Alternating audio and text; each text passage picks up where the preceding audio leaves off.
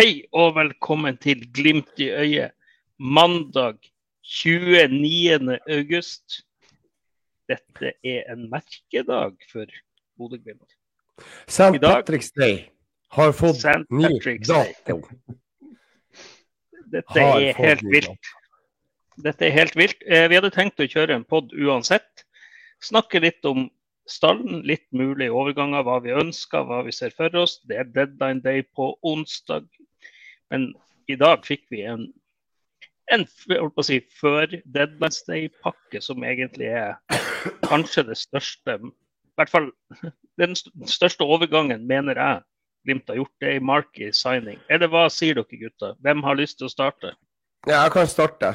For jeg har ikke vært i pod på veldig lenge, så nå har jeg jækla mye på, på hjertet. Så nå får dere bare la meg brøle ut. Uh, OK, greit. Det her er for meg den største overgangen i Glimt sin historie. Tatt Altså, det, jeg tenkte I 2002 så kom Runar Berg tilbake han fra Valen, eller Venezia.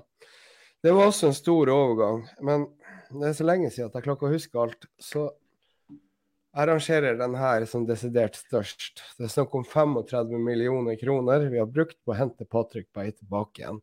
Vi har altså tjent 10 millioner kroner. Vi har henta han fra, la, eh, fra Lens. Han har lyst til å spille fotball. Han mener at det er riktig å spille i Eliteserien eh, for hans egen utvikling sin del. Han har lyst til å spille for Glimt fordi at han skal eh, få landslagsplass under Ståle Solbakken. Det her begynte å skje i går kveld, Aleksander. Hva var det vi oppdaga i går kveld? Skal vi ta den? Ja, det var noe kom en fin VG-artikkel om at eh, Glimt eh, tydeligvis var på jobb. Og eh, jobba hardt med å hente tilbake tre, tre spillere.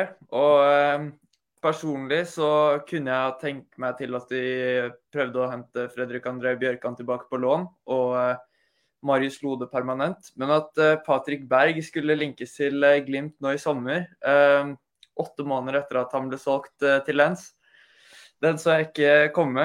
Og det, var, det ble en litt lang kveld. Jeg satsa på litt mer fortgang i ting eh, og holdt meg våken. Det hadde jeg ikke trengt å gjøre. Men eh, fy faen, det er deilig å ha signert eh, årets spiller i Eliteserien 2021. Kommer til å bli årets spiller i Eliteserien 2023. Det, det er en så knallsterk signering, og det er så deilig at de viser økonomiske muskler og, og henter klasse. Altså, vi, vi trenger det. Vi skal spille Euroleague, og vi skal spille Champions League om noen år. Og at en spiller som er midt Altså, han er 24 år, han har en lang karriere foran seg, da velger å komme tilbake til Glimt foran andre europeiske klubber. Det er så sykt, det er så surrealistisk, og det er så sykt deilig.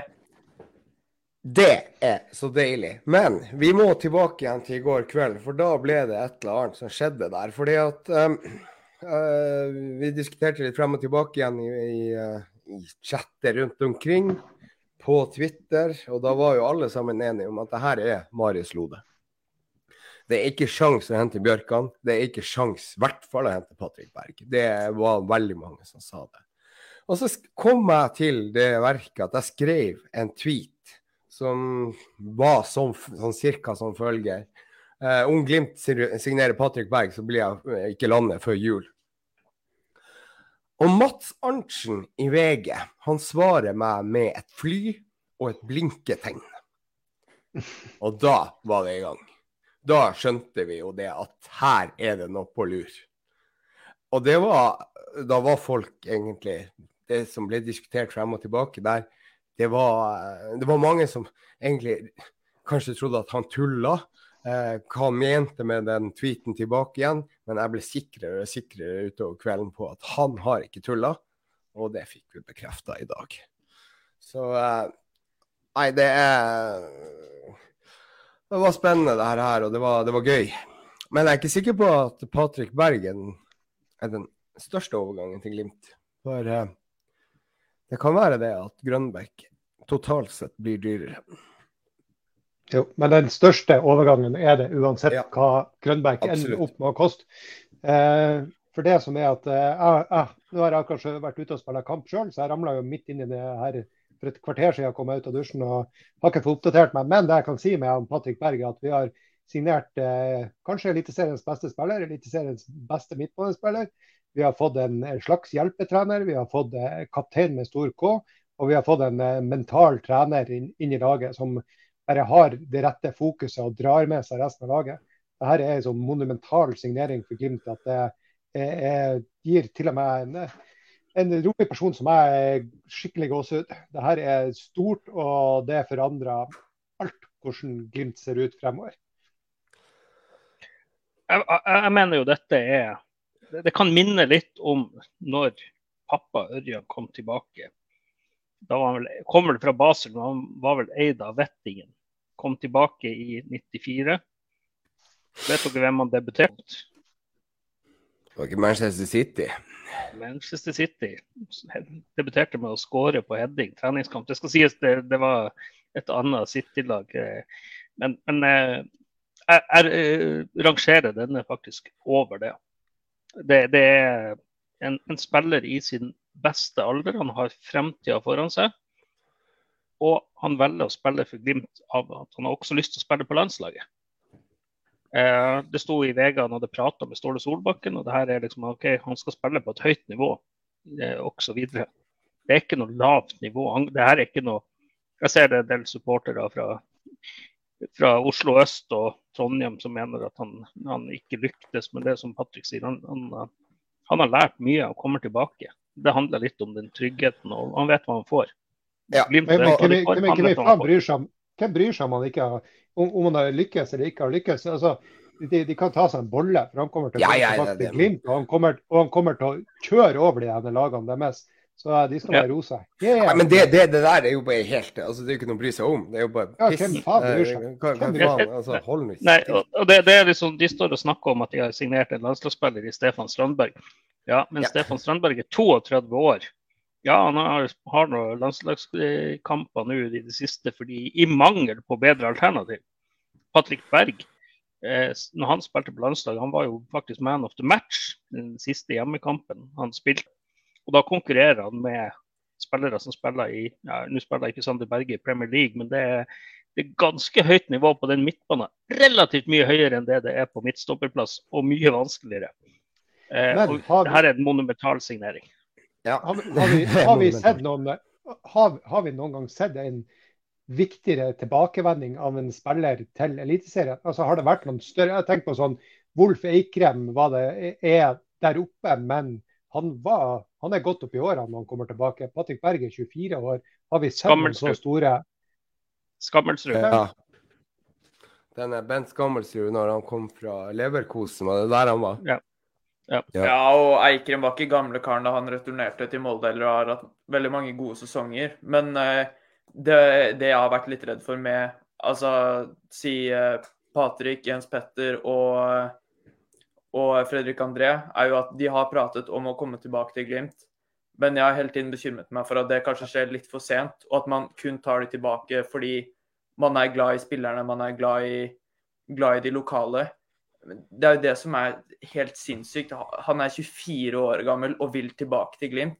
Det er ikke som Per Siljan Skjelbred som returnerer til RBK når han er ikke helt ferdig på toppnivå, men 68 år gammel, akkurat blitt pensjonist. Ja. Eller Tetti eller Henriksen. Eller, ja. Henriksen har jo vært grei nok, men Men allikevel så, så, så, så, hører dere jo på intervjuet der at det, det, her har vært mange andre klubber med i bildet. Det har vært blant, annet belgiske Standard Liège og Ronny Deila, som sikkert kan tilby mye mer i um, gasje. I tillegg så, så, har det sikkert vært eh, også klubber kanskje fra championship, eh, kanskje fra ja, uansett andre ligaer. Men Glimt ble valget pga. det sportslige. Glimt, altså Da ser du jo også Patrick. Han er jo sånn type person som, som ikke bryr seg om de pengene, eh, i den forstand. Han tenker på det sportslige. Eh, det skal han ha sinnssykt respekt for.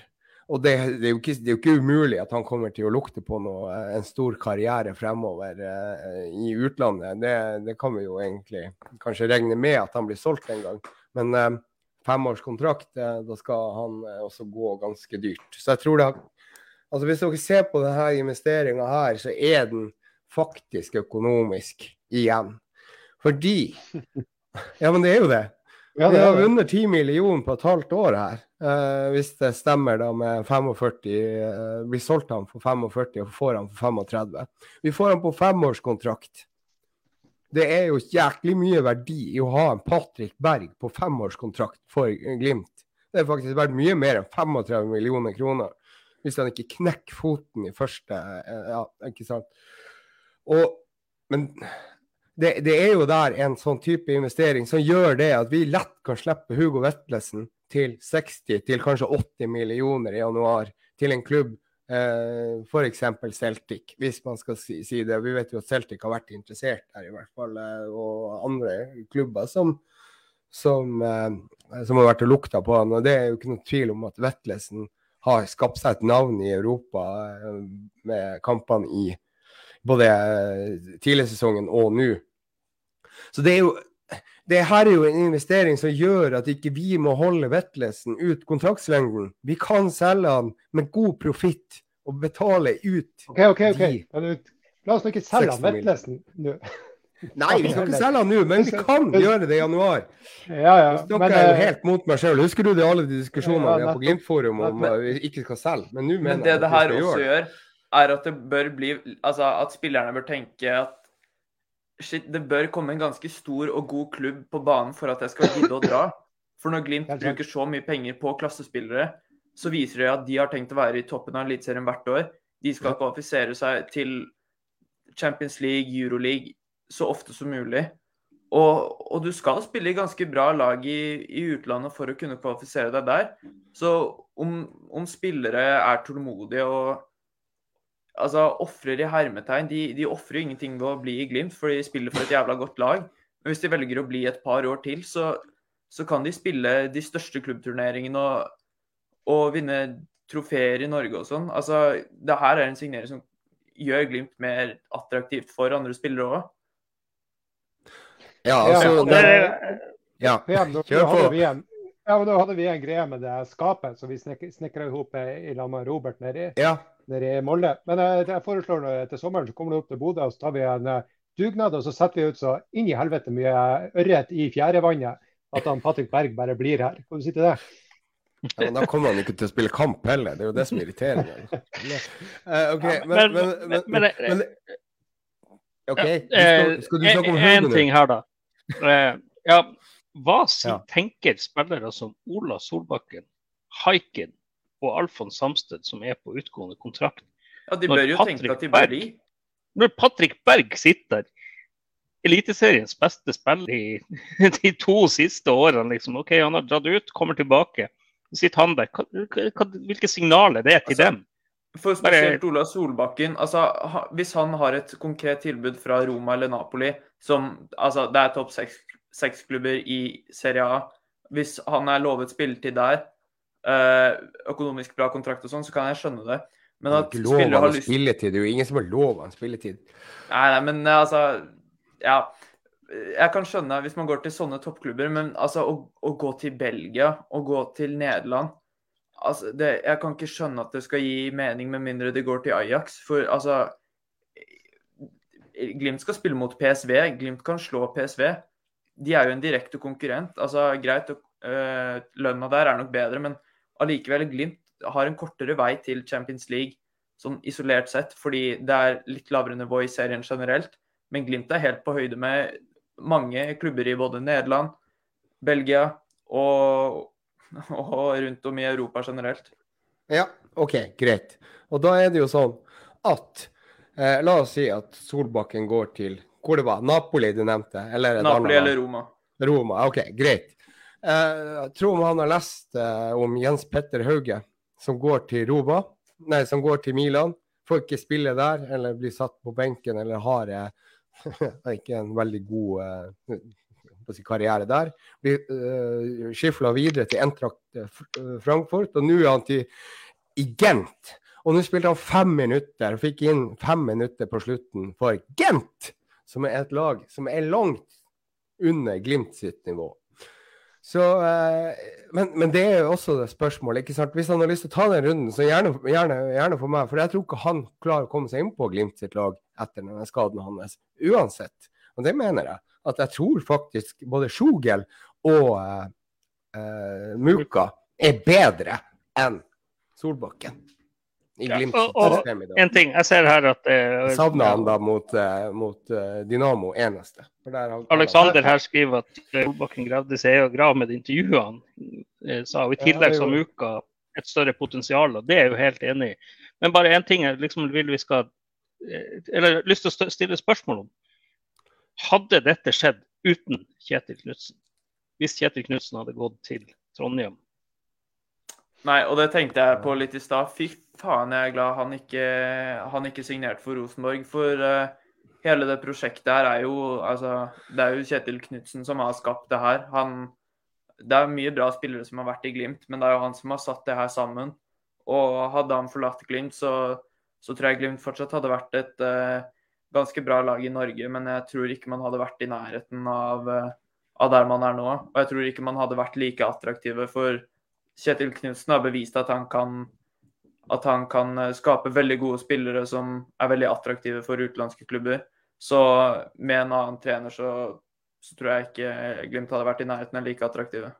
Men da skal jeg stille spørsmålet. eh, vent- Vent litt. Ja. Ja. Altså, en replikk til det, det forrige vi snakka om, så jeg prøvde å, Ja. komme inn på her. Eh, det er at eh, jeg, jeg- jeg tror spillerne Kjetil Knutsen har et poeng i det der. Han har vært ute og sagt flere ganger at spillerne må se hvordan klubber som er interessant, eller sånn som er interessert i de, og hvilket grunnlag de er interessert i de.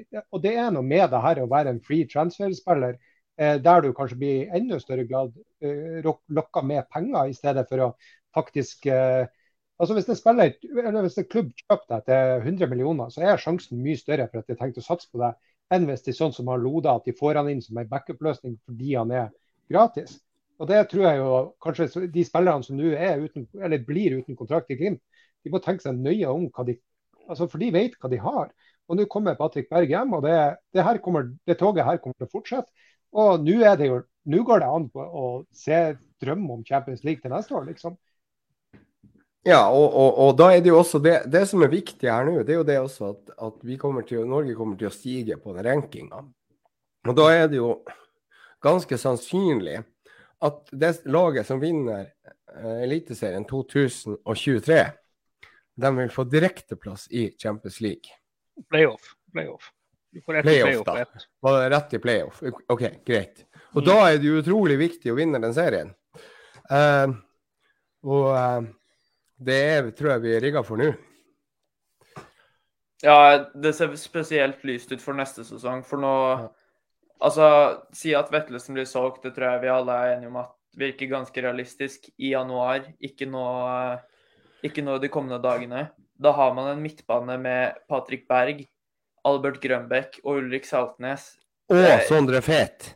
Og Sondre Fet. Så eh, da har man kvalitet på benk, som vi har eh, etterlyst litt. Og vi har en enormt sterk midtbanetrio fra start, som jeg tør påstå vil være den beste i Norge, med mindre noen andre klubber åpner lommeboka og bruker større summer enn det Glimt har brukt nå i, har brukt nå i sommer. Så ting ser veldig lyst ut for, eh, for 2023-sesongen. Og det ser også litt lysere ut for høsten, både i Europa, men også i hjemlig liga. Ja, men, men, eh, her er jo eh, at Glimt er i ferd med å bygge altså en solid grunnmunn. Det har de jo gjort over tid. Men jeg mener jo at dette er jo støyper jo faen steike meg helt nytt fundament. Altså det, du gjør det jo så, så solid som er egentlig det noen gang, aldri noen gang har vært. Altså Her har du Patrick Berg på en femårskontrakt. Grønbæk har en femårskontrakt. Brede Mo har en fire og et halvt femårskontrakt. Ulrik Saltnes har en femårskontrakt. Så det her er jo en, en liten langfinger til alle sammen eh, som har gått og klaga litt på kort kontraktslengde, inkludert oss. Det har jo vært et sånn ankepunkt at ok, Glimt må jo for faen Klar, eller e- eventuelt så hører de etter på oss. ja. ja, ja, ja. Men, men OK, du, du nevnte, Bjørn Einar, eh, de som er på utgående. Og det er da Solbakken. eh, Skal vi ta dem igjen? Eh, Det er Haikin. Og Samsted. Samsted. Det er liksom de som er spiller fast. Samsted, OK, greit. Er du god nok? Nei. Til å gå i en, i en høyere liga? Nei. Eh, bør du skrive ny kontrakt med Glimt? Ja. Uh, jeg tror Haikin jeg tror vi får en overraskelse på onsdag. Uh, at uh, Haikin ikke velger å gå et annet sted. Skal vi si det sånn? At Haikin har lyst til å være med på det her. Haiken har god tid det- å tenke seg om, da. han har Sånn god sett. tid. Han kan, han kan vente nyttår. Og så er det jo da eh, Hva gjør vi med den siste, da, Solbakken? Han, selv, han får bare gå. Det Men et, et, et sånt aspekt med Solbakken som er det, det er litt annerledes fra han og Hugo Vetlesen. Hugo Vetlesen var en del av landslagsskolen og spiller jo på U21-landslaget. Han har veldig mye landskamper, på, for, yngre, eller, landskamper for yngre landslag. Alfons Samsted er den spilleren i Island som har flest U-lagskamper. Ola Solbakken har riktignok to innhopp på A-landslaget, men han har tre U17-kamper. Det er noe utenlandske klubber sitter og ser på. Mm. Ja, de tar kanskje en stor sjanse liksom, med å, en sjanse ved å satse på han, men den sjansen er ikke så stor. Eh, og det, det, er liksom, det er derfor Erik Botheim er, var- var så attraktiv, og den summen vi fikk for han som var relativt høy. Eh, grunnen til at den var så høy, er det at han er kaptein på U21-landslaget. Og det, det er liksom det har mye å si. Det samme med Patrick Berg, Jens Petter Hauge. De har alle vært en del av den landslagsskolen. De har liksom vært eh, noen av Norges største talenter. Ola Solbakken har ikke vært det. Han er en litt late bloomer. Men jeg er litt sånn eh, jeg er litt sånn ambivalent. Jeg vil jo gjerne at Solbakken skal være at han skal lykkes og vise frem sånne ting som han gjorde borte mot Celtic. Eh, eller hjemme mot Roma. Men eh, samtidig, jeg tror Muka har et større potensial. Ja, men, Definitivt. men det, og det er jo helt klart at der, det, det, der ligger det mer i Muka. Der ligger faktisk også mer garantert i Sjogel. Eh, Det, er, det, det ser du på det- Litt tidlig å si det, da. Ja, litt tidlig. Ja, Ja, det er litt tidlig å si det. Ja, men litt tidlig å si det Det er jo bare fordi at du har eh, Solbakken i vranghalsen. Ja, det er helt riktig. Men så er det jo da spillere som egentlig de, Det vrakgodset som vi har kjøpt, hvis vi skal si det sånn. Det er ikke vrakgods heller. For å, avbryte litt. Nei, ikke eh, avbryt meg nå. Jo, men Skal vi ta posisjon for posisjon, sånn at det blir litt, eh, så vi kan se litt på alle, eller skal vi hoppe litt sånn frem og tilbake? Ja, OK, så vi skal begynne på det allerede nå, da? Ja, men det er jo greit. Ja, vi er det. 20 minutter. Ja, så Hvis det passer for dere, så kan vi jo ta det. Ja, det sånn. er for For da, da går vi innom alle, og så ingen nevnt, ingen glemt, liksom. Ja. Nei, men det, det er jeg faktisk enig i. Vi kan ta det i- Ja, jeg har satt opp en oversikt på, eh, på eh, Men, men eh, vi, vi har glemt én ting før vi går på det her. og skal vi Eller det er Lode. Skal vi ta han under midtstopperne, eller skal vi ta han Det kan vi gjøre. Det kan vi gjøre. Da tar vi han under midtstopperne, og det er vi jo Ja, enige om. ja. Okay. Det, det, er en, det er en del av oppsettet. Ja. Mm. Da er begynner vi på, eh, på keeper. Jeg kan jo bare jeg kan jo introdusere litt, så kan dere snakke litt om det her. Kan vi bytte litt ro- roller? Eh, der har vi altså Haiking på kontrakt ut året og Fay Lund som en, eh, som en ny eh, keeper. Og vi har Andersen i, i bakhånd. Eh, og alle de diskusjonene det kan jeg nevne, alle diskusjonene vi tar nå, det er litt sånn med tanke på hvor er vi nå? Vi skal spille Europacup og vi skal spille eh, vi skal prøve å få et til gull i Eliteserien. Og så hva mener vi? Hvor, er- hvor er nivået? Hva trenger vi inn? Og eh, hvem er kanskje ikke god nok?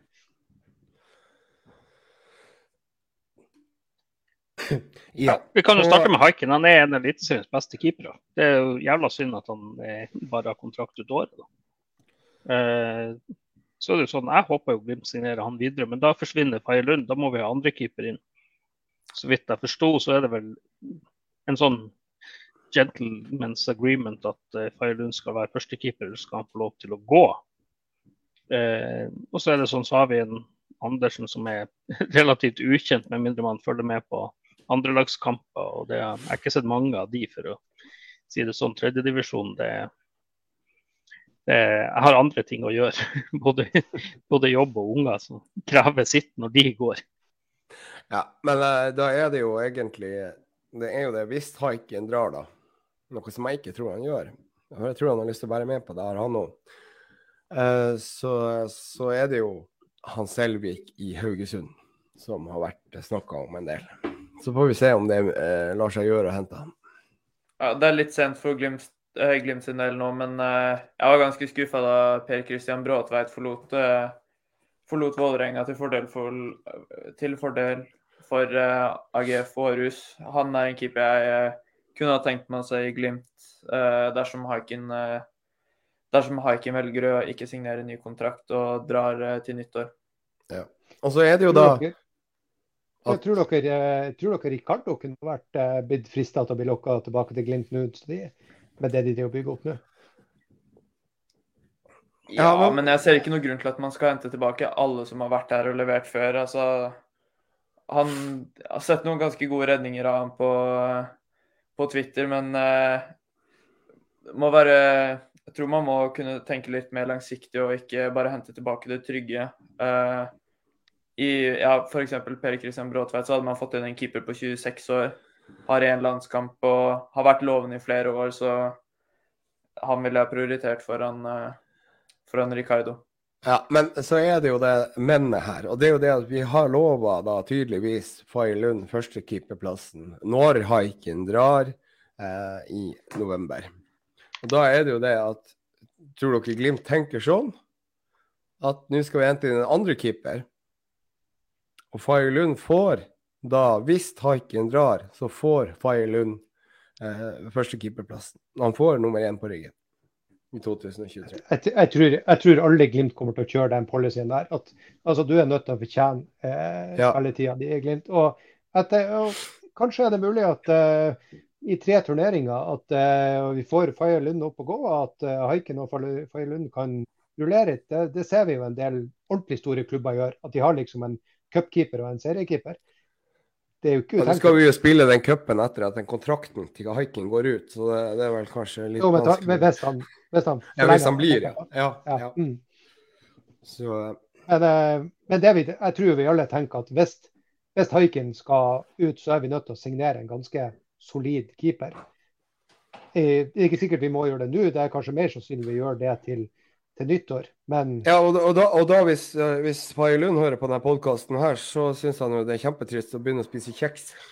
Uh, så det det går jo Altså, Faye Lund har potensial, og det er jo litt sånn, det er jo mye som kan skje. Vi har sett han i ett innhopp og en bortekamp i Europa uh, uten Brede Mo uh, foran seg. Uten Patrick Berg som dirigent på midtbanen. Det, mm. det, kan være en annen Fire Lund, bare med de to elementene inn. Eh, Herregud. Fire Lund sa jo sjøl at han ja, altså det, det, er litt sånn, det, det, handler litt om hva du får. og det er jo Nå kommer jeg til midtbane, men jeg kanskje forskuttere det. Men at, at en av forsene til Patrick er jo gjenvinning og uh, gjenvinningsspillet. Uh, og ligge som et skjold foran Forsvaret. Han er jo kanskje best ja, i Norge der. Og det er sånn, En av grunnene til at vi ikke leder serien, er fordi at vi har sluppet inn for mye mål. Så Det er jo ikke bare, bare keeperplassen som forsvarer seg. Nei, jeg, jeg, jeg, ble, jeg, ble, bare satt ut av det du sa om Patrick Bergeren. Nå begynner det virkelig å gå opp for meg hva vi har fått her. Herregud og fader. Det, det, det, er litt bare, sånn med keeper. altså, du kan jo se ut som verdens beste keeper sant, i en dårlig klubb.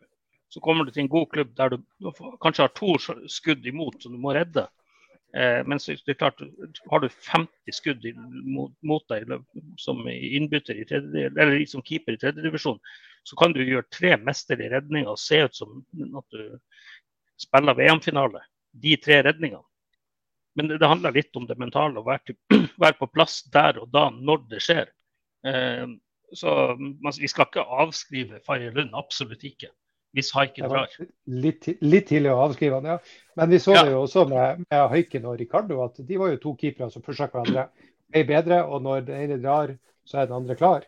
Eh, så, mm. så, men vi trenger uansett å ha, ha en kvalitetskeeper. Og det er jo sånn eh, altså Førstekeeperen kan alltid knekke foten i morgen. ikke sant? Ja. Eh, så det, det, er jo helt klart. Vi må ha to gode keepere. Ja. Så, så, keeper, det, det, kommer, det kommer nok. Eh, enten en resignering eller en eh, signering i januar. Ja. Men vi må jo egentlig altså det, Keeper er jo kanskje den vanskeligste plassen å kunne forberede seg på. fordi at altså, når den ene, ene altså Haikin blir jo stå i mål helt frem til hans, eventuelt kontrakten hans går ut. Det er jo ikke sånn at vi skal fade inn eh, Faye Lund. Det tror jeg jo ikke Kjetil kommer til å gjøre.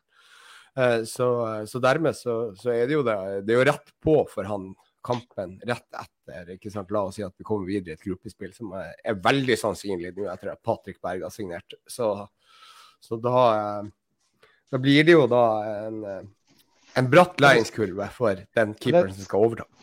Det skal sies at uh, det er klart, keeper er også en vanskelig posisjon å komme seg inn i Glimt. og Det er lite trening nå fremover. Det er kamp, kamp, kamp. kamp. Men det skal sies vi har en fryktelig god keepertrener i Jonas Kolstad som kan jobbe ganske mye med keeper, sånn både mentalt og én til én. Så eh, eh, det kan godt hende at det går bedre enn hva i andre posisjoner. Da vil jeg ta en kommentar fra Øyvind Spanberg Mitting. da. Faye sier jo selv at det er hans sterkeste side, det å ha ballen i beina. Uh, det har vi hørt før. Um, jeg vet ikke om han har bevisst sånn det ennå. Nei, det gjorde ikke det. Så ikke sånn ut i den kampen han spiller. Men det kan skje til. Neste posisjon. Alexander, Alexander Nyhre skriver også at Failund minner litt om Smiths. Han fremstår som litt usikker med ball i beina.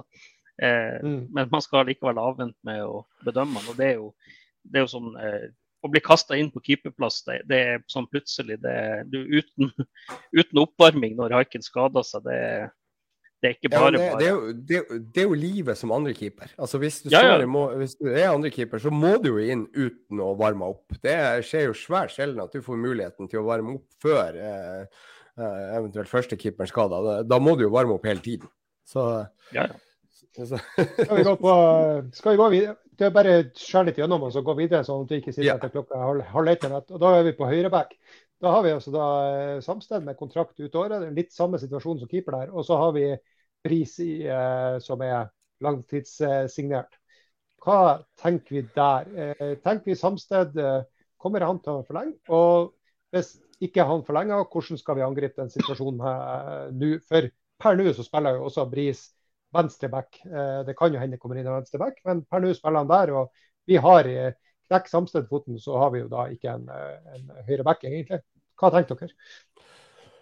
Ja, altså, kan, Vi kan jo starte da med prestasjonen. Eller skal vi si det Vi kan ta første del av spørsmålet ditt. og det Blir han for lenge? Det tror jeg ikke han gjør. Uh, altså, Jeg tror jo han blir å dra uansett om han Altså, den, det, det, han har visst, viser seg jo det, det, Han kan, jo ikke spille på et høyere nivå. Det kan han ikke gjøre. Uh, så spørsmålet er og hva han velger sjøl, om han har lyst til å ta seg noen år på benken for noen millioner, eller eh, eventuelt prøve å spille seg i form igjen i Glimt. For det har han ikke vært det siste halve året. Jeg må være direkte på det. Eh, og eh, jeg syns egentlig etter europacupkampene så, så har, gikk formen eh, nedover, nedover, nedover. Og jeg tror jeg har nådd et uh, bunnivå egentlig rundt nå, når de andre har kommet litt i form. Ja, det er Ja, Samsted har vært bedre før, men uh, samtidig så syns jeg den høyresiden har sett veldig bra ut. Og det skal han ha creds for, han òg. Selv om uh, det er en del uh, personlige feil som har blitt gjort i større grad enn før. Men om Samsted ønsker å resignere, så, så må han gjerne gjøre det for min del. Men jeg er helt klar på at Glimt trenger én, gjerne to nye backer. For vi har egentlig bare to backer i klubben. Altså sånn ordentlige backer og begge to er egentlig høyrebacker. Så um, det ideelle hadde i hvert fall vært å få inn en venstreback, sånn at man har en høyreback og en venstreback eh, når Samsted eventuelt går. Eh, og så kan man se om man kan få inn en, eh, en backup eller to til i januar. For eh, det er veldig tynt på backplassen. Men på venstrebekken så har man jo Høybråten som kan vikariere, og man har eh, Ask Kjerransen Skau som har fått uh, muligheten der. og Jeg har jo blitt uh, pratet litt om Sondre Sørli der òg, men, men, man må i hvert fall ha inn en ny back, for det er, det er litt for tynt der nå. Og men, men skader kan, noen seg, seg før Europa. Men mener du de kan gå inn og spille mot Arsenal? Det, og, Nei, det, det, er det jeg skulle si nå.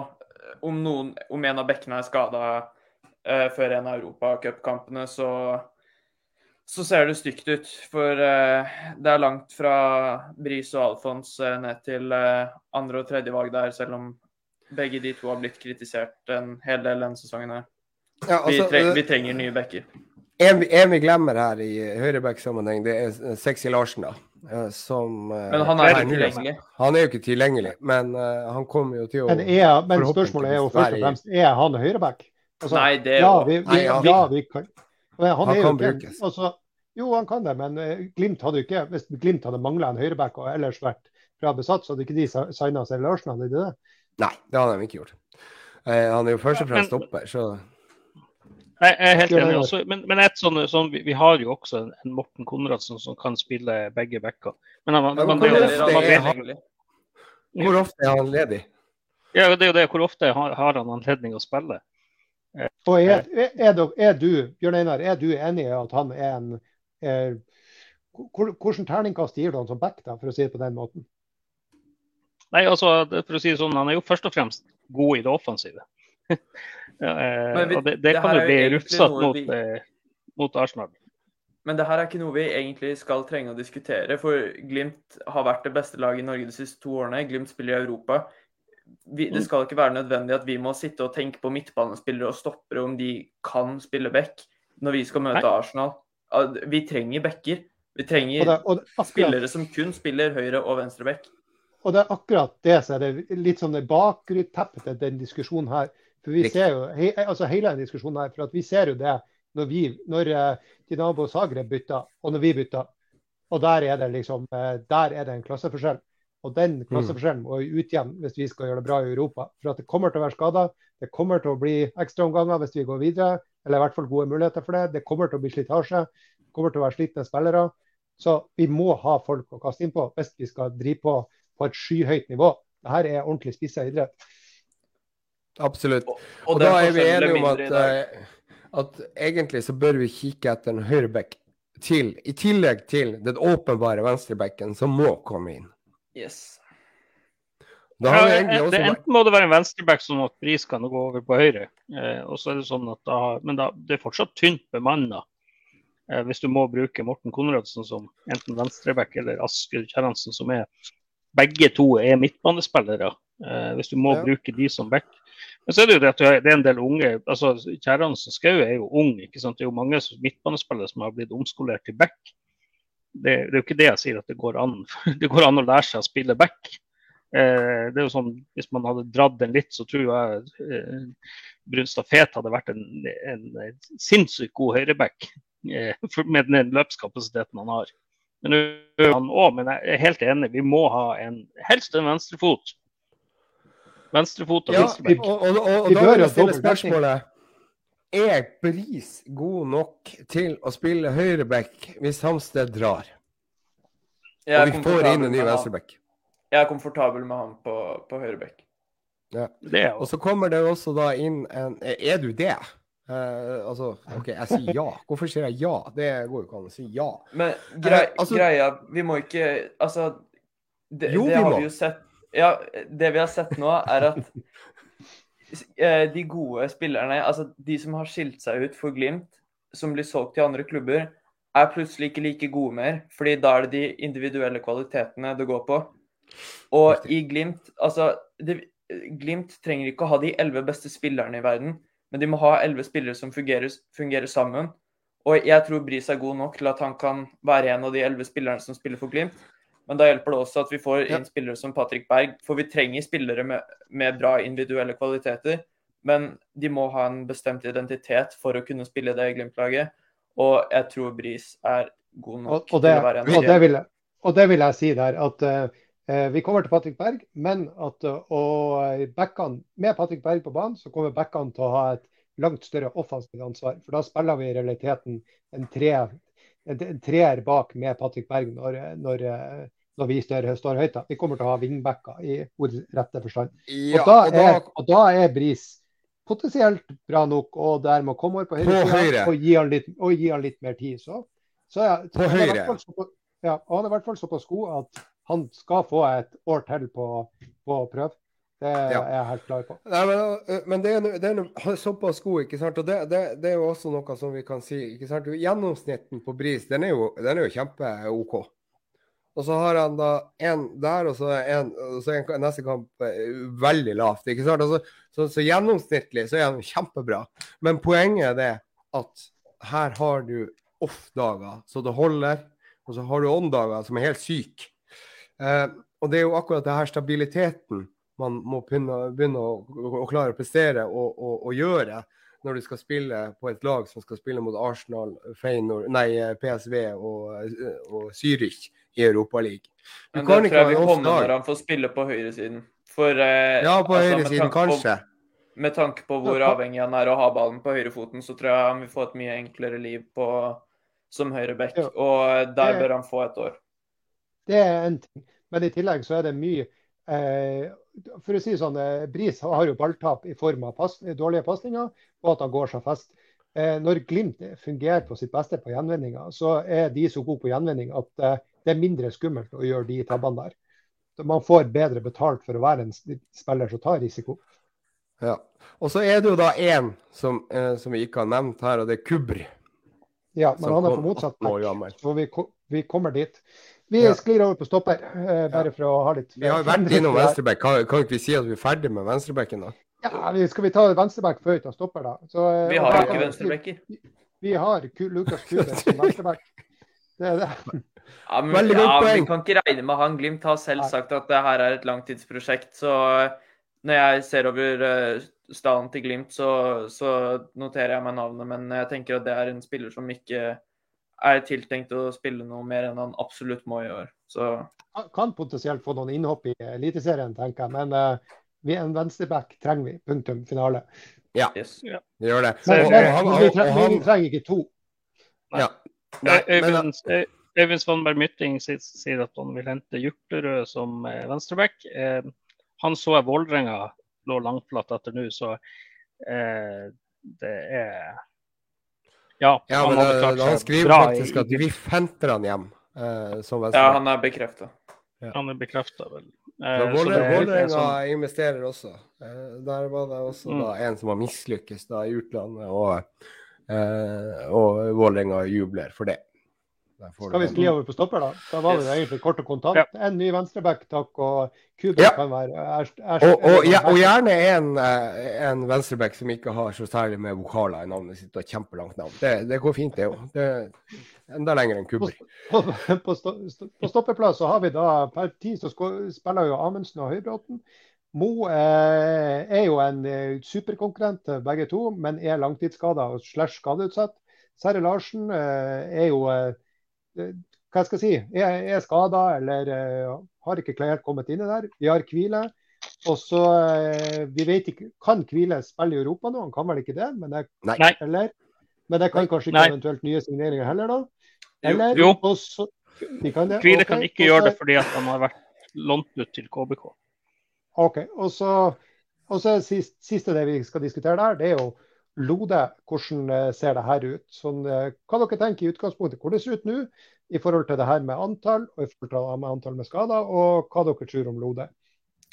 Pga. antall skader så eh, ønsker jeg å hente Lode, og egentlig ikke nødvendigvis det, men jeg tror Lode totalt sett er, hadde vært en av de beste stopperne til Glimt. og og spesielt i år hvor man eh, i hvert fall i starten slet litt med å bryte ned lag. Da tror jeg Lode hadde vært gull verdt å ha.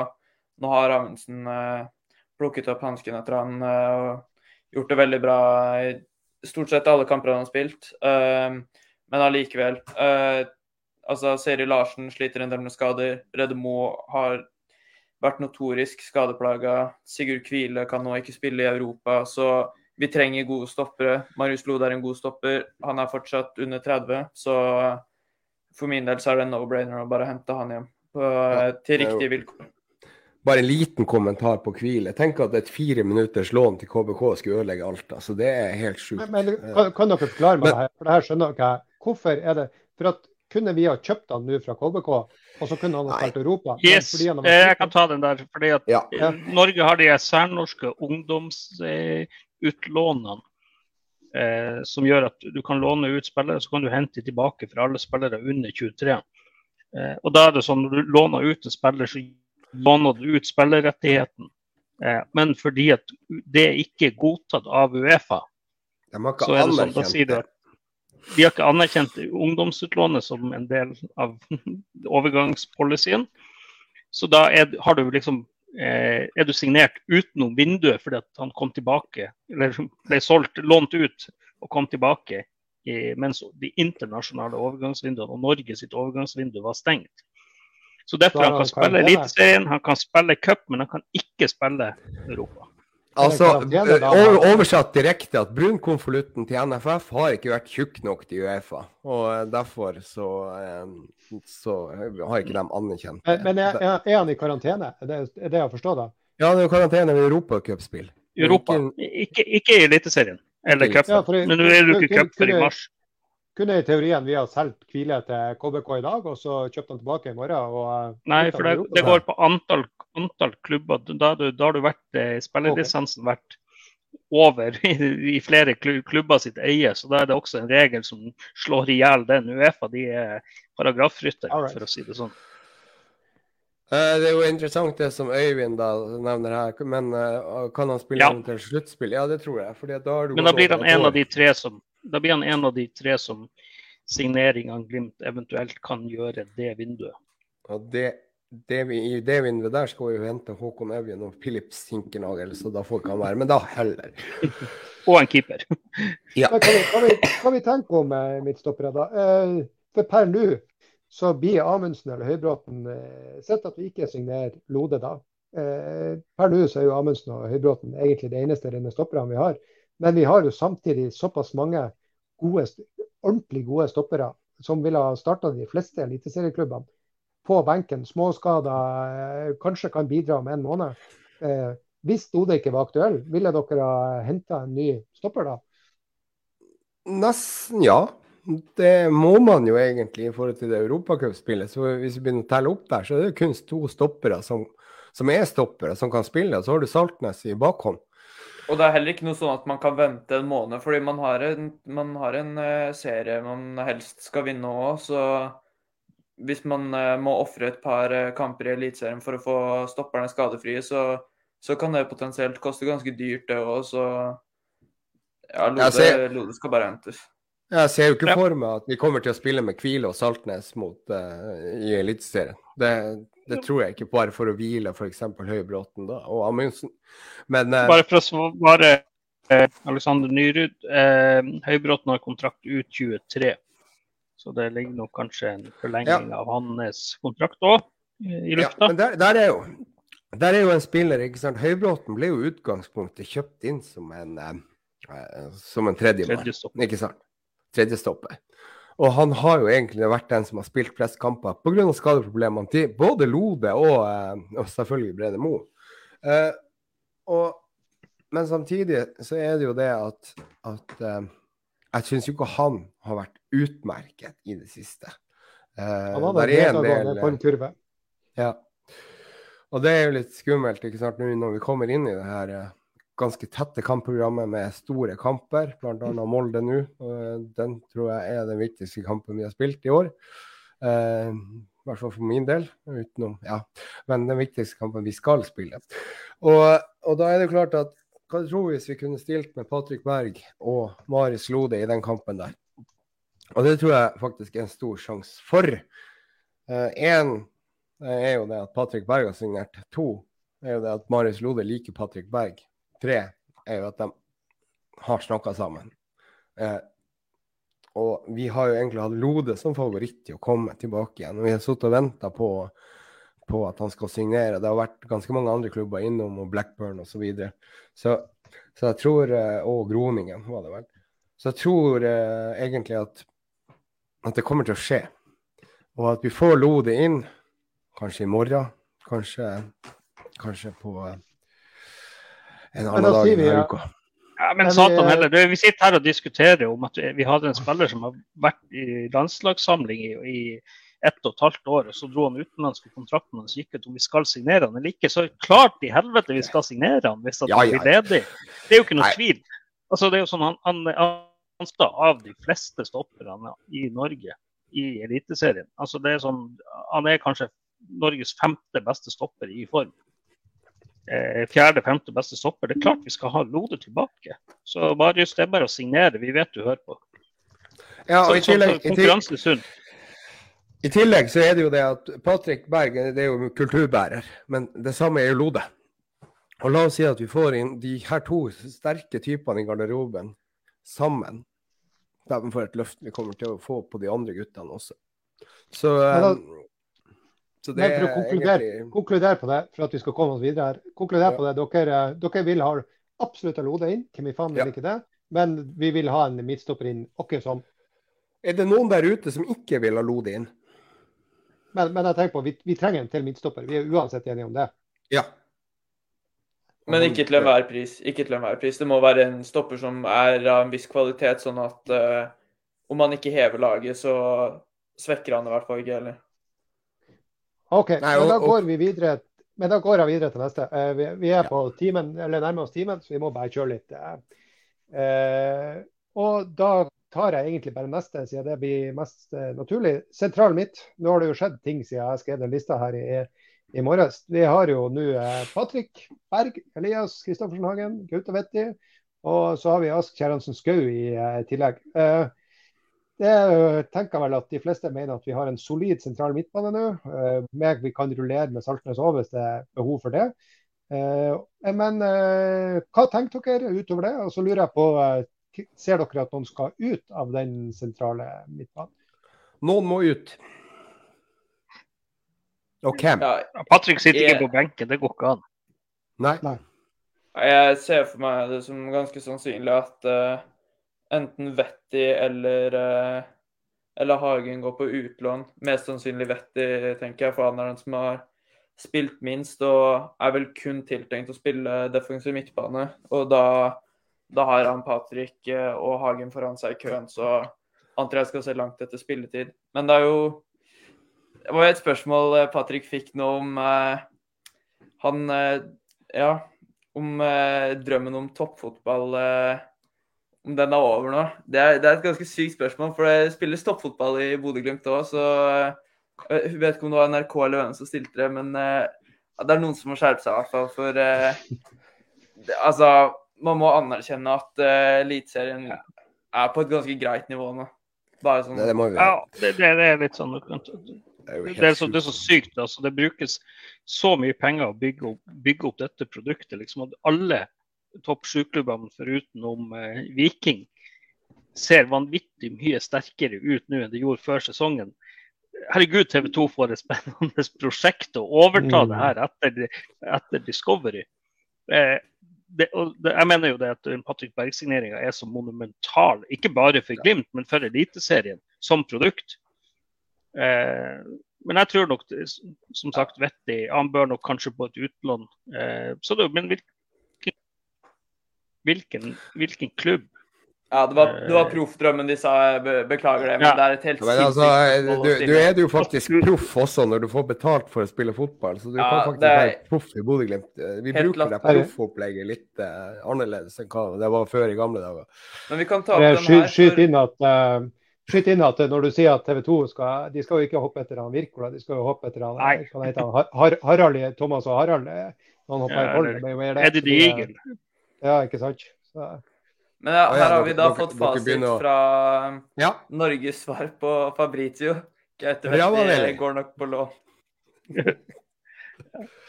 det kan vi jo Men- si. Veldig bra. Men- Eh, Så har, vi, Men- så har vi også Hagen, og det er litt sånn jeg ser Stian Aas har vært og stilt spørsmålstegn til PM. Eh, Ja. eh, Hagen var jo svarte deg på Twitter her, PM. Ja, han gjorde det. Det er jo ja, det. er, ja. ja, OK. Det Det er jo sånn, Hagen er jo ikke noe dårlig, dårlig spiller. ikke sant? Og det er klart Han, han kommer til å måtte spille andrefiolin etter Patrick, men det tror jeg nok kanskje Hagen også kan være litt komfortabel. Men det tar jo nok litt press av hans skuldre. Når han kommer inn, så har han jo vist at han har mye kvalitet. Så, så vil jeg jo bare si det at Hagen er jo fortsatt veldig, veldig ung som fotballspiller. yes. Og en fantastisk spiller å bare ha i troppen, for han har spilt sinnssykt bra for Glimt i Europa og har god tid til å bli enda bedre. Så fantastisk Ja. spiller å bare ha i stallen. Absolutt. Men Og, og, her, og der ser du jo. Ja. La meg skyte inn det her. Eh, vi må ikke, for Det er lett å tenke, nå vi henta Patrick Berg hjem. Men eh, det er en ting som kanskje man, eh, det er lett å glemme av nå. Altså, vi har brukt 30-35 millioner på å ha en, kjøpe en spiller i den posisjonen som Hagen og Vetti eh, spiller i.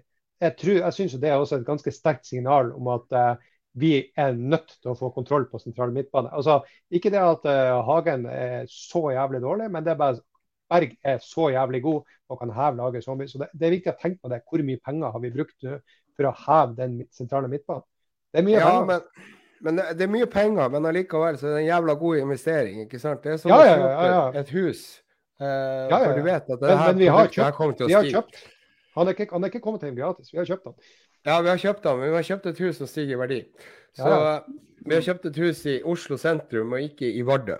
Eh, og eh, det er litt viktig, det her. Men, men, eh, men allikevel så er det jo det at Hagen eh, viser jo det når han kommer inn, at han er en av de her som skal ligge i vannskorpa og, og, og, og, være nummer, nummer 12 og 13. Og, jeg tror jeg han passer bra så dårlig er han ikke, og han er jo vant til å være i den posisjonen også. Men det er jo selvfølgelig en nedtur når du, når du ikke fikser den rollen sånn som du uh, Altså ikke gjør deg den til din egen, og ikke fikser egentlig den 100% Så, så da, da, må man liksom tilbake igjen til tegnebrettet for Hagen sin del òg. Kanskje han passer bedre som indreløper, det vet vi ikke. Så, um, det, det, kan gi han mer muligheter som indreløper. Og så vil jeg bare si det om Vetti også. Det er viktig å huske på at uh, Knutsen har jo vist at han betrakter Vetti som en mulig som kan steppe inn på stopper òg, så det kan jo være en fordel for Vetti hvis han plutselig får orden på kroppen. da i forhold til om han blir i klubben eller ikke. Ja, og så, så har du en, den siste som du nevnte. da. La oss si at vi får inn en venstreback, som noe jeg egentlig regner med at Glimt må ha inn i dette vinduet her i løpet av de her to siste dagene. Så da er det jo uh, Kjæresen Skau. Skal han, han også på lån, da? Er vi, er vi, nesten sikre på at den er nesten sikker på at det er kanskje det mest sikre lånet? Ikke hvis uh, Glimt ikke får henta en av venstreback. Det, det er helt riktig. Nei, nei, da kan man ikke dra.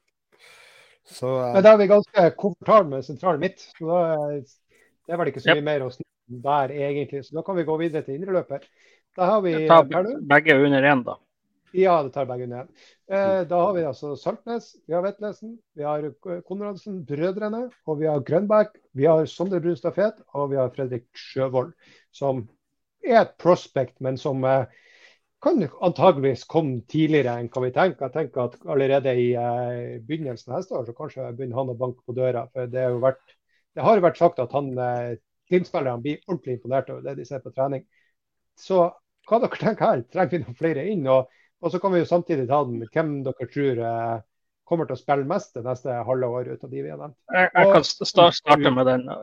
Uh, det kommer ingen flere indreløpere inn. Det vil i hvert fall være uh, en sensasjon om det, det, skjer. Så tror jeg dette er et uh, signal om at Anders Konradsen plages fortsatt så mye med kroppen at han ikke får forlenga det blir ikke forlenga med Anders. Dessverre. Jeg skulle gjerne sett Anders spille, for han har visst prov på hva han, hva han har i seg av fotball, men det er synd hvis kroppen ikke han kan fungerer. Spille Opp.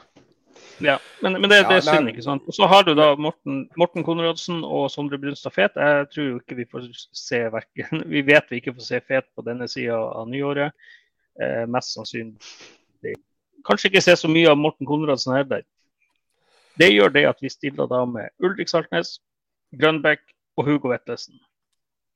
Og eventuelt da, hvis du drar Elias Hagen der, eh, som, da har du fire indreløpere. Eh, hva som blir mest sannsynlig Jeg, jeg bare regner kjapt på det. Vi skal spille 16 kamper, har 16 kamper igjen på uh, røftlig 13 uker med, med, fotball. Det er 5,7 dager, vel. Eh, mellom hver kamp. Og det er jo det, det er tett. Vi må rullere. Uh, vi kan ikke risikere å få skader. Uh, ikke så mye skader. Vi så jo i fjor, da var vi uheldige med både, både Patrick og Ulrik ute samtidig. Det, vi kan risikere å få skader. så det Nei, vi har ikke mer dekning enn vi må ha. Så du, du, har ikke heller lyst, ikke, ikke lyst til å sende han uh, Sjøvold på lån? Nei, i bunn og grunn ikke. Eh, jeg tror det at du, du må ha en, en, en, sånn spiller som kan komme inn. og det, er, det er klart vi, vi har også noen antatt svakere motstander der vi kanskje kan lede komfortabelt på hjemmebane. Der han kan komme inn og få 30-40 minutter. Så tror jeg det treningsmiljøet i Glimt også utvikler unge spillere. Det er akkurat det. Er en viktig kamp- sak. kamp Det er en viktig. sak. Ja, Det Det er viktig sak med det å, å holde det i Bodø med trenerne og treningsmiljøet. Mm. Det er, det er viktig. ja, kamp er viktig for all del, men, eh, men også det at eh, jeg så mm, en annen klubb hadde signert en ny kontrakt med et talent og leid han ut i ett og et halvt år til KBK. Eh, Det, det er jo også alternativ for, for Sjøvold at man, man finner et, et lån til en Obos-klubb. Eh, Ja, altså hvis, år. hvis, hvis, hvis, det er, hvis det er en klubb som spiller en nær- tilnærmet lik fotball som Glimt, så tror jeg han har jo kanskje godt utbytte av det. Men det er jo akkurat det der som er at når du kommer tilbake fra en sånn klubb, så må du jo bruke et halvt år på å komme tilbake igjen i Glimt-form. Jeg syns han må få et halvt år før vi Og så gi, gi han eh, sesongoppkjøringa 23, eh, og så ser vi det han da. Men derimot når det kommer til Ask, så syns jeg han er, han er kommet litt lenger. Han er litt mer sånn, han trenger kamper, syns jeg ser ut som. Så det, er, litt- det er litt annet med han. Men eh, vi er vel enige om at, eh, at vi er fornøyd der. Eh, vi trenger ikke, ikke noe nye inn. På, Ja, men jeg, jeg, bare en liten, liten kommentar Ja. på Ask der, så er det jo det at det er viktig at ikke en havner i en by med de her eh, elsparkesyklene. uh, men vi ser vi har et spørsmål også. Kan du ta det, Bjørn, Bjørn Einar, før vi går videre? Ja, bør vi selge Vetlesen? En personlig favoritt, men Glimt har venta for lenge med å selge mange ganger. Eh, nei, vi bør absolutt ikke selge Vetlesen. Han er også en av mine favoritter. Og herregud, for en spiller han har blitt i Glimt. Han var god når han kom, men herregud, han har tatt steg de siste 12-14 månedene. Ja, Eh, men allikevel så er han har ett og et halvt år igjen av kontrakten. Eh, og det er jo sånn, det er jo januar hvis, eh, Ja. hvis vi skal få noe særlig. Hvis ikke han får velge å forlenge, for dette er jo ekstremt eh, Jeg ser ikke på det som usannsynlig at han kan forlenge med et år. Jeg ser ikke på det som usannsynlig at han kan forlenge med et år, for uh, uh, det siste halvåret, eller ja, den sesongen her under ett, så, så er han uh, den spilleren som for min Altså sånn jeg har sett det, er en av de som har vokst frem som en leder. Og som Altså, han er ikke fra Bodø, men man skulle faen meg tro det på hvor mye han, han virker å bry seg, så at han kanskje tar et, altså signer, eller forlenger kontrakten med ett år, sånn at Glimt får litt mer penger, eller at han, at han blir litt, litt lenger enn han først planlagt, det, det tror jeg ikke er helt usannsynlig. Men eh, Glimt skal for all del ikke selge Vetlesen nå i sommer. Nei, ikke nå, men, eh, men allikevel så er det jo det en annen ting. er jo det at, at hvis vi kommer til januar, og eh, forhåpentligvis så er jo da Brunstad Fet tilbake igjen. Og da begynner du å få et problem. For da har du, hvis du skal spille f.eks. en midtbane da med Grønbæk, Patrick Berg og eh, da en til, så det må enten Vetlesen sitte på benken, Saltnes sitte på benken, eller eventuelt Brustad Fet sitte på benken. Du har tre, tre gode spillere som har vært fast på laget, som eventuelt må sitte på benken. Eh, hvis vi skal Men Ja. Brunstad Fet kommer til å starte på benk nesten uansett, for han har vært ute så lenge. Han går fortsatt med krykker. Det er, det er ikke så lenge til uh, Altså Hvis Glimt uh, spiller i Europa, altså at de kvalifiserer seg til sluttspill i en av turneringene, så skal de fort spille kamper i februar. Så uh, det er, det er bedre å ha spillere foran Fet i køen, sånn at han ikke må stresse, stresse med å komme seg tilbake, tilbake i kampform. For Det- jeg tror ikke vi kommer til å se Fet på Jeg tror ikke vi kommer til å se Fet på sitt beste før, eh, før over neste sommer. Det tar tid å spille ser- seg tilbake fra alvorlig Det ser vi jo på Sørli, at det, at det tar tid. altså Du skal ikke bare være skadefri og så dukke opp på trening. Det, det, Fet er sikkert ikke på sitt beste før om et års tid, tenker jeg. Så Et viktig poeng med for å ta det. Han har spilt 35 u- U-landskamper for Norge. Uh, han har vært fast invitar så å si de siste to årene på U21. Det, er, eh, jeg syns det er merkelig det ikke er noen som har klaska inn et bud med tanke på det han har visst både i Europa og ja, egentlig de siste 14 månedene. Eh, og så er det jo det at, Men jeg tror jo også det at han sjøl ser det, at han har mye læring. Han har jo han har tatt til seg mye læring i Glimt. for Vi skal huske på hvor han var. Ja, han hadde spilt, eh, han spilte nesten 100 kamper for Stabæk i Eliteserien når han kom til Glimt. Eh, men han har virkelig tatt store steg. Og så er det jo litt morsomt, som Øyvind Svanberg Mytting skriver her, at eh, nå er jo også pappa Vetlesen blitt medlem av GLIS, og han var jo med GLIS på busstur til Grimstad. Det er jo, Tenk på at vi begynner å få fotfeste ute i Bærum òg. Du må sette på lyden din. Det er musa har gått helt amok her. OK. Beklager hvis det er noen som har sett det, så har jeg en, en ganske tung uh, forkjølelse her. Så beklager det. Men allikevel så er det det at uh, uh, jeg er litt opptatt av at vi skal holde Vi må selge noen for å forsvare de innkjøpene her. For hvis vi skal la Vetlesen gå ut gratis, så begynner det å bli ganske tomt i den kassen. Så noen må vi selge. Det, ja, han, det... han, kommer nok til å bli solgt, men ja. de må Altså, om man klarer å få han til å forlenge med ett år, så tror jeg ikke det er krise for hans del. Men jeg tror de, etter å ha mistet så mange gode spillere med ganske bra verdi, så tror jeg de skjønner at uh, man ikke kan la også Vetlesen gå gratis. For han uh, kan de potensielt selge for uh, ganske mange millioner. Han er 22 år, da, så han, han er jo liksom det, på det tidspunktet i karrieren hvor at hvis han skal en dag spille for United eller sånne her type klubber. Det. Men jeg skal spille for noen større klubber, så er det jo, eh, så er det jo på en måte nå han må begynne, begynne, å ta det neste steget. For han blir jo sikkert å ta et mellomsteg. Men eh, jeg tenker jo som så at hvis han presterer sabla godt nå i Europa, så eh, blir plutselig den prislappen et tresifra antall millioner. Og eh, da kan det skje ting ut på, på nyåret. Ja. Men eh, vi er vel høvelig samspill, samstemt der. og sa at uh, idrettsløpere vi også har fått uh, besatt på nå. Skal vi, skal vi gå videre til neste? Men jeg skal bare spørre, spørre en, stille ett spørsmål til. Hvem som skal, yes. stille, hvem skal spille Hvem skal spille uh, midtbanen? Hvordan ser midtbanen ut i høst? Vet du hva?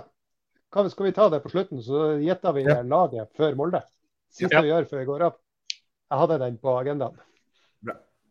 Ja, Nei, men Da går vi på høyre ving. Eh, I dag så har vi Muka, vi har Sugell, eh, vi har eh, Solbakken, som har kontrakt ut året. da. Vi har Komson og vi har Sørli. Og her lukter det jo eh, en eller to spillere som eh, kanskje ikke har vist seg gode nok i, til å være med på et europaeventyr. Og en som sannsynligvis eh, sitter og drømmer om å sitte i, i, Roma på en gatekafé og drikke ja. Eh, ja, eh, så hva gjør vi? Og så skal også, dra til Belgia på lån etterpå om et år. Ikke sant. Ja. Samme oppskrifta. Ja. Same procedure. Og de to som eh, De to som, som, som må gå, det er Sørli og det er Konsum. Eller Jeg kan jo bare si kan jo bare si førstevalget er Muka. Første, altså, det han har vist Ja, varierer i, i prestasjon. Det sa Knutsen også etter Jerv. Eh, men samtidig, han sier jo det at han har tatt store steg. Eh, og det har han jo absolutt, absolutt, gjort. Men at han også behøver å utvikle ja, spillet, især den siste fasen. og det men, men, eh, jeg mener det er ikke noe tvil. Selv, selv en frisk Solbakken skal slite med å spille seg inn på den høyrevingen. Han er, han er i utvikling av stigende kurve òg. Så altså, det, altså, det, det, det, går hele tida Det går litt opp og ned, men det går hele tida oppover, alt i alt. Ja, og så skal vi huske Muka kontrakt i 25. Sommeren 25. Ja.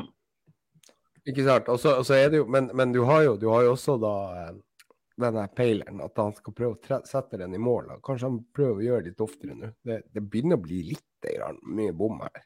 Det var greit i starten, men nå Muka. Bare, bare vent på ketsjup-effekten. Bare vent ja. Altså, sier, sier han spiller høy, høyreving for et lag som har skåra. Hva er det vi har skåra? 34 mål. Ja, men de siste ni kampene er det vel 34 mål eller noe sånt. ja, det har ikke akkurat vært det har ikke vært altfor kostbart, bortsett fra mot uh, Zagreb, men det trenger vi ikke å gå ytterligere inn på. Nei, nei. Ja, det ble avvinka for offside, så får vi se om varer det. Vi vet ikke. Vi lar den skjebnen Vi går ikke inn på det.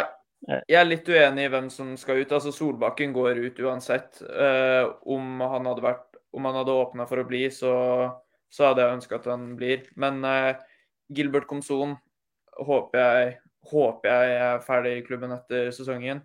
Glad hadde henta han i fjor, men det han har levert i år, er bare helt forferdelig. Og jeg håper ikke vi trenger å se altfor mange flere Gilbert-innhopp i år. Men uh, altså vi prater jo om Sølle som høyre ving, men uh, han er en ganske allsidig spiller. altså De har prøvd han litt som indreløper og har prata litt om han som back.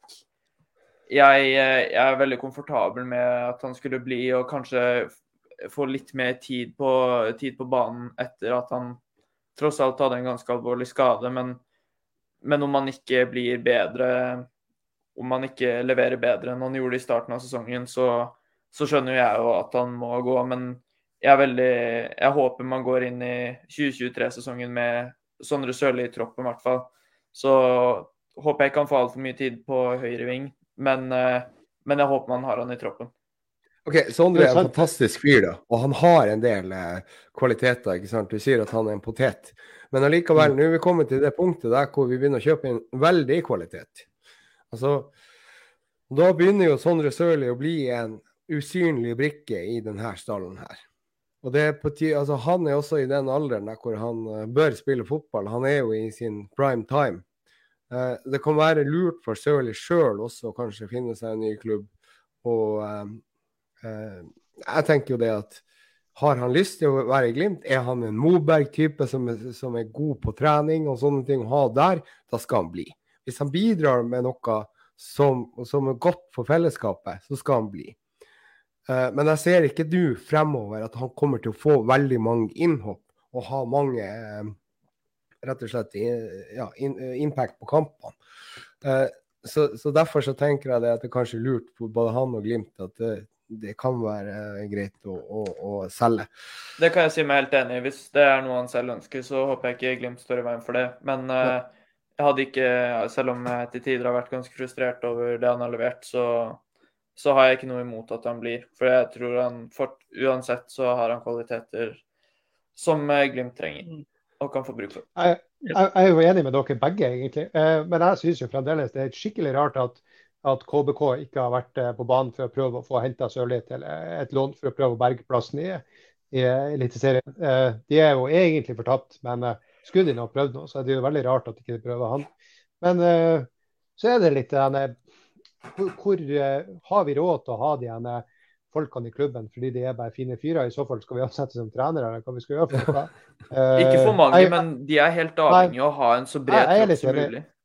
Jeg, jeg, er litt enig i det, og det er, det er jo veldig bra at han er en potet. at Han, han kan jo egentlig løse venstre back og høyre og venstre ving, men uh, Sørli har ennå ikke klart å prestere i spill med høy intensitet. han har liksom prestert når han har vært på høyrevingen og fått stått alene og piske inn baller på innlegg eh, før han ble skada.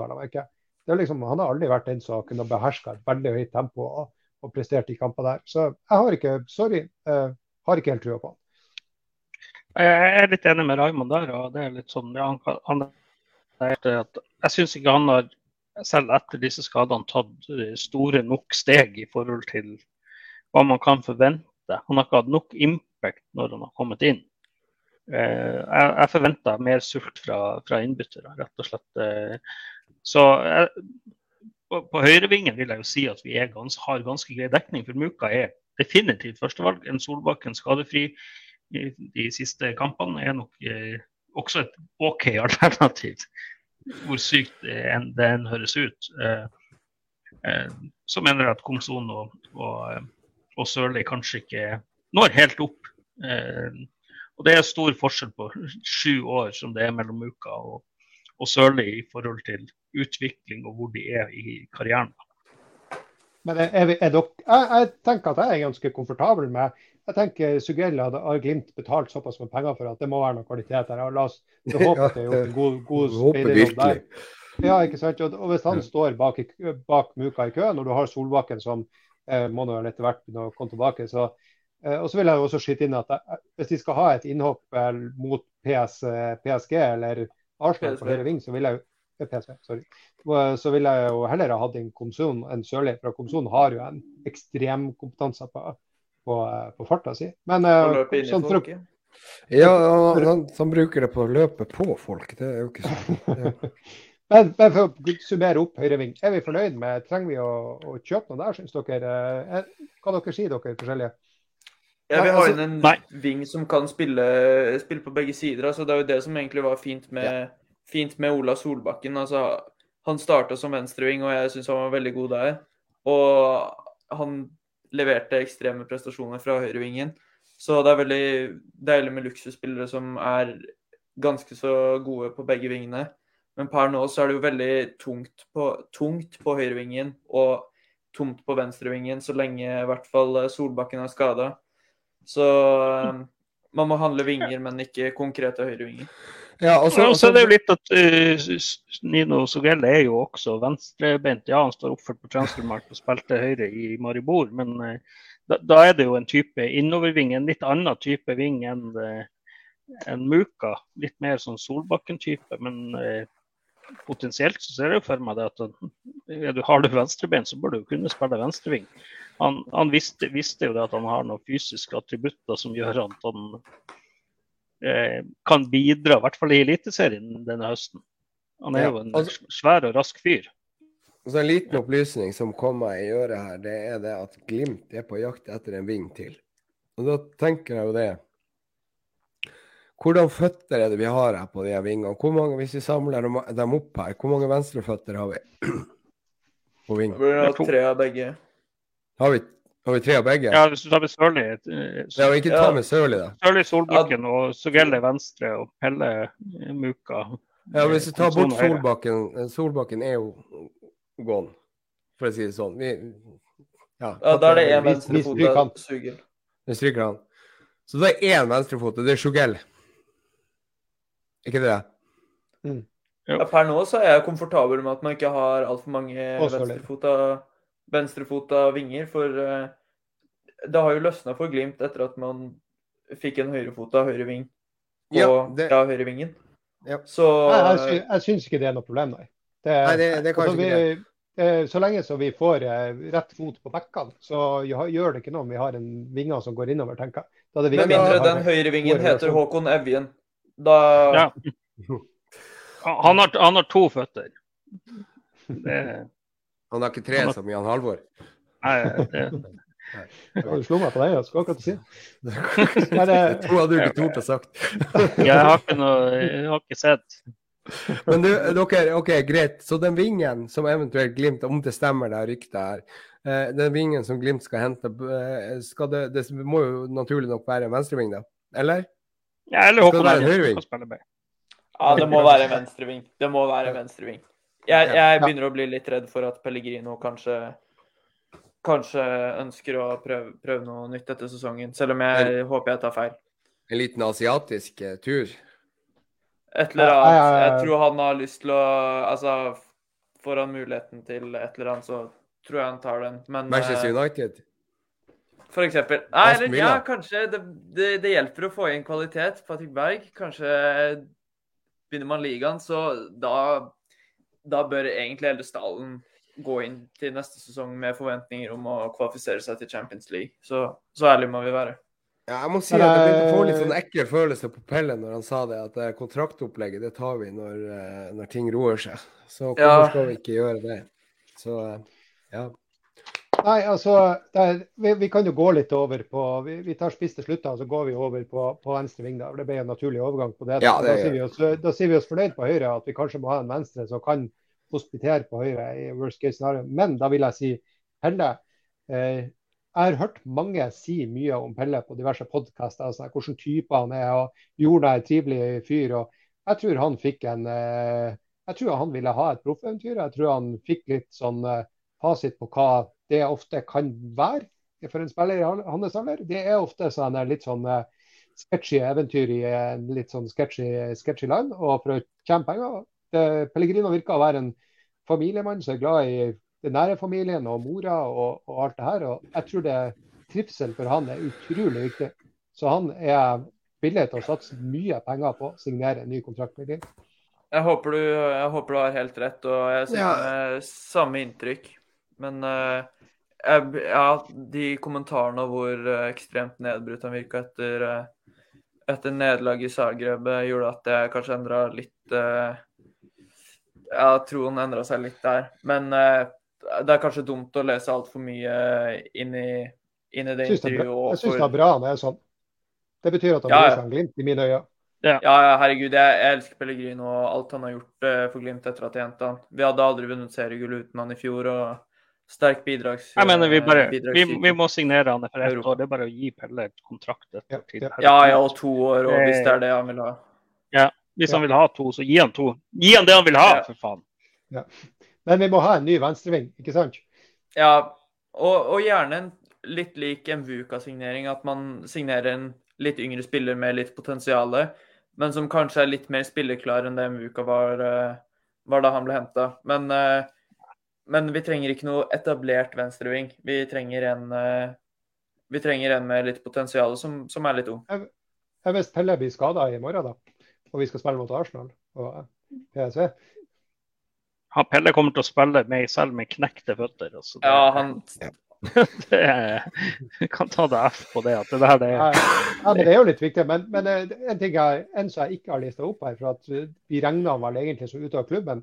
Det er jo litt synd at den matchen der ikke var bedre. For eh, det vi etterspør eh, på mange måter, har jo eh, Sebastian Tonekti. Det er jo litt synd at det har blitt sånn som det har blitt, men det er vel kanskje bare sånn det måtte bli. Ja, det måtte vel bli sånn. Så der var det dårlig kjemi. Det, Noen ganger er det bare sånn. det, er bare, det gikk ikke. Så, men, eh, rådgivere.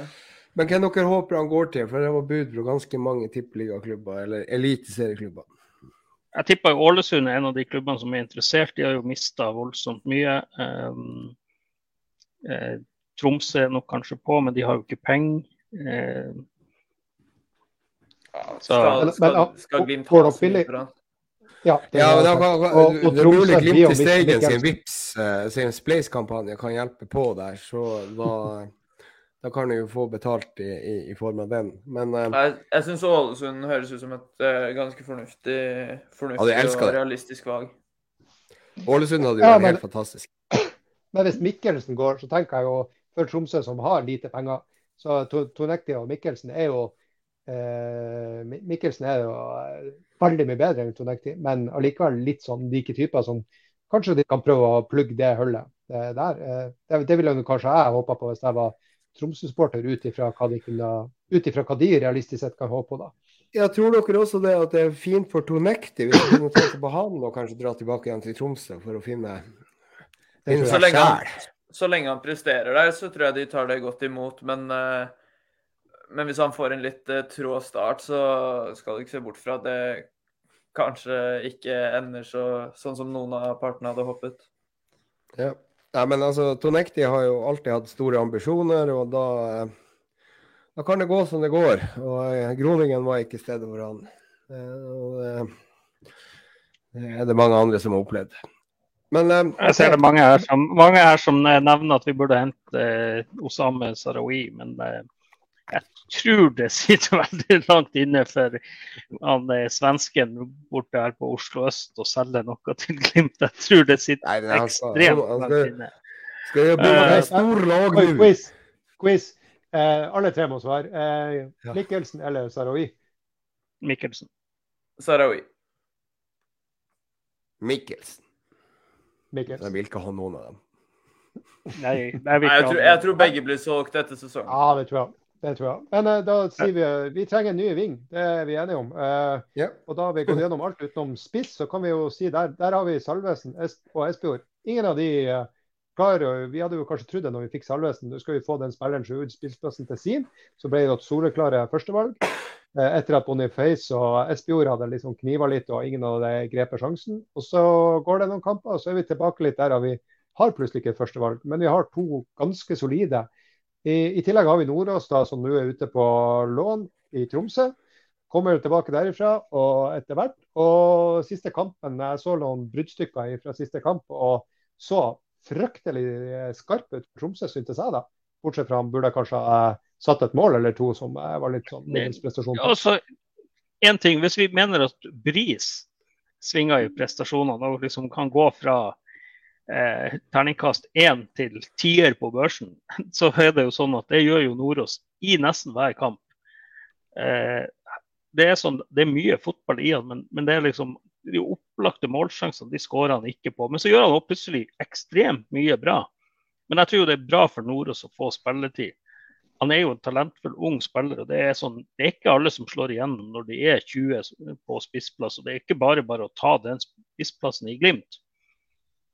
Det jeg vil si om spissplassen, er at der har vi to egentlig ganske forskjellige typer spillere. Men jeg syns Runar Espejord har virka sharp eh, i det siste. De siste kampene har du sett at han er lettere i steget. Han sier det jo sjøl at nå begynner han å kjenne på komme litt inn i formen. Og du skal huske at fyren har jo gått på, på, si på i Tromsø der. Og, det, det er litt sånn rovdrift, for du er nødt til å spille kamp. Du må bli kasta innpå selv om du er 70 eh, Og Sånn var det nok kanskje også litt i starten av hans Glimt-karriere. Eh, kan vi få en Runar Espejord som er 100% fit, så er det sånn, da tror jeg Salvesen skal slite med å spille seg inn. Og motsatt. Hvis du får en Salvesen som plutselig tar eh, the next level, hvis man kan si det, så skal Espejord Så jeg tror det er sunt med to sånne gode, men litt forskjellige typer spisser. For Hver for seg så er det sånn at det er, det er få lag i Eliteserien de ikke hadde spilt. Enig. Der feide du deg sjøl ut, ja. Men uh, likevel så er det jo litt artig, da, at uh, Jørn er kommet inn her. Uh, og han skal hente Moberg! Vi har sett det, Jørn. Og jeg er enig. Altså, vi skal hente Moberg. Det går ikke an når vi splæsjer flere titalls millioner kroner eh, i stallen vår og ikke ha Moberg der. Vegard, Vegard, Vegard må komme, må komme hjem. Må komme hjem nå.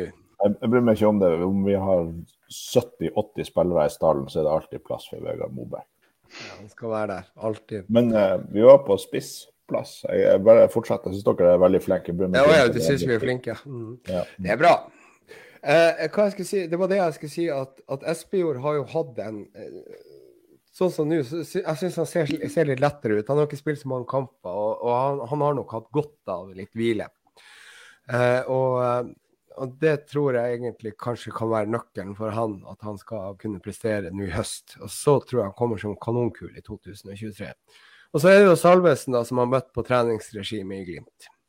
Eh, kommer fra Strømsgodset, trener dem jo som, ja, som Bob-Bob. Og så kommer han hit, og så eh, presterer han ganske godt i de første kampene. Og så er det jo da ut, piske, ut med pisken med Ørjan Nygaard og Kjetil Knutsen og Kalvenes.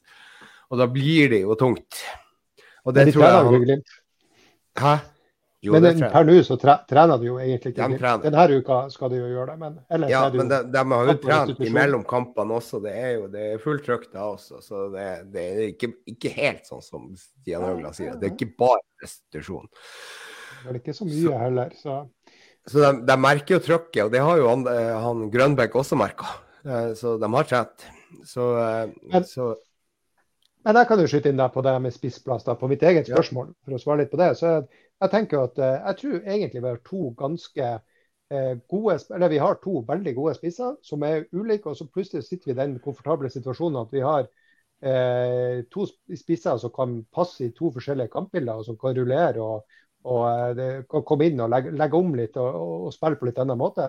Så det tror jeg kan være en kjempestor styrke. Også, og allikevel, selv om de er ulike, så er de begge to eh, skrudd sammen på sånn måte at de fungerer godt i, i, maskineriet til Glimt, i motsetning til det Boniface gjorde. For mange har jo spurt solgte vi Champions League med Boniface. Jeg tror heller tvert imot. Eh, vi solgte oss Kanskje på, kanskje på lang sikt, men sannsynligheten for at Glimt hadde spilt Champions League, hadde vært større med Boniface på onsdag enn, uh, enn med Salvesen fra start. For å si hva jeg mener der, så mener jeg at man har to spisser som har en del å gå på.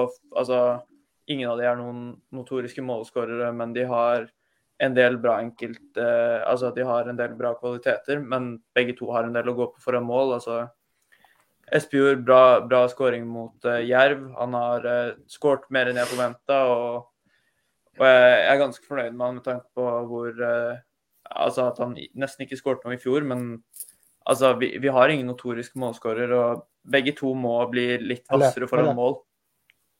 Så, um, og, og Salvesen, enorm i presspillet, eh, men, eh, men han, han, har en del å gå på teknisk og kombinasjonsmessig for at det der skal bli ordentlig bra. For, eh, for det er flere ganger det går litt, litt seint med han. Så og, altså de skal få neste sesong. De skal få en ordentlig sesongoppkjøring og de skal få muligheten, men men det er, det er litt eh, frustrerende å se Rosenborg hente Kasper Tengstedt, som bare skårer på, på, alt som er av sjanser, og som kommer til masse sjanser, for det gjør ikke spissene våre. Men, men har, men har Glimt si skårer nok mål. Men har det noe å si at spissen ikke skårer? Når vi har Pelle som skårer, så kan spissen gjøre pressarbeidet? Ja, han skårer ikke som Han skårer jo Altså, han skårer en del mål som en konsekvens av det, men det er ikke sånn at Pellegrino utelukkende skårer som en konsekvens av bra presspill. Han skårer fordi han er bedre enn spissene våre på å være i riktige posisjoner i motstanderens 16-meter. Det er jo ofte han er der spissene kunne, kunne, og kanskje burde ha vært. Men så lenge man har Pellegrino, ja, men Pellegrino bailer til tider Glimt ganske greit ut med å være så god og effektiv foran mål. Så jeg håper vi har to Altså, jeg håper både Salvesen og Espejord tar steg og bli bedre foran mål. For per nå, altså, de, de skaper ikke så mye målsjanser. og og har ikke så mange gode eller avslutninger eh, som en god spiss burde ha hatt. Altså, jeg vet ikke hvor positivt det er at når vi snakker om en spiss, så er det vi eh, snakker om at han er best uten ball. I hvert fall ikke sånn jeg liker Altså, det er ikke sånn jeg liker Jeg liker å snakke om spisser, og jeg er glad i spisser som skårer mye mål. Men, ja, men bare... altså, jeg, jeg, er jo fortsatt fan av Herrem. Og uh, Salvesen er jo samme greia der.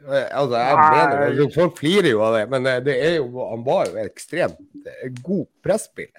Ja, det, det er lov, det, men det altså Med all respekt, nå skal vi prøve å, prøve å kvalifisere oss til Champions League neste år. og Vi, vi skal prøve å gjøre det bra i Euroleague. men da trenger man, altså man trenger en spiller som vi, vi, må være kroppsstore. Det må være mulig å være god i, i presspillet, men også være klinisk foran mål. Altså, det er litt sant, ja. dumt å sammenligne, sammenligne altså, eliteseriespisser med han, men Suárez i Liverpool 2013-2014-sesongen Det er noe av det verste jeg har sett. Han var overalt. Tilrettelegger, avslutter, vant tilbake ballen overalt. Løp rundt som en gærning. Firmino når han har vært på sitt beste.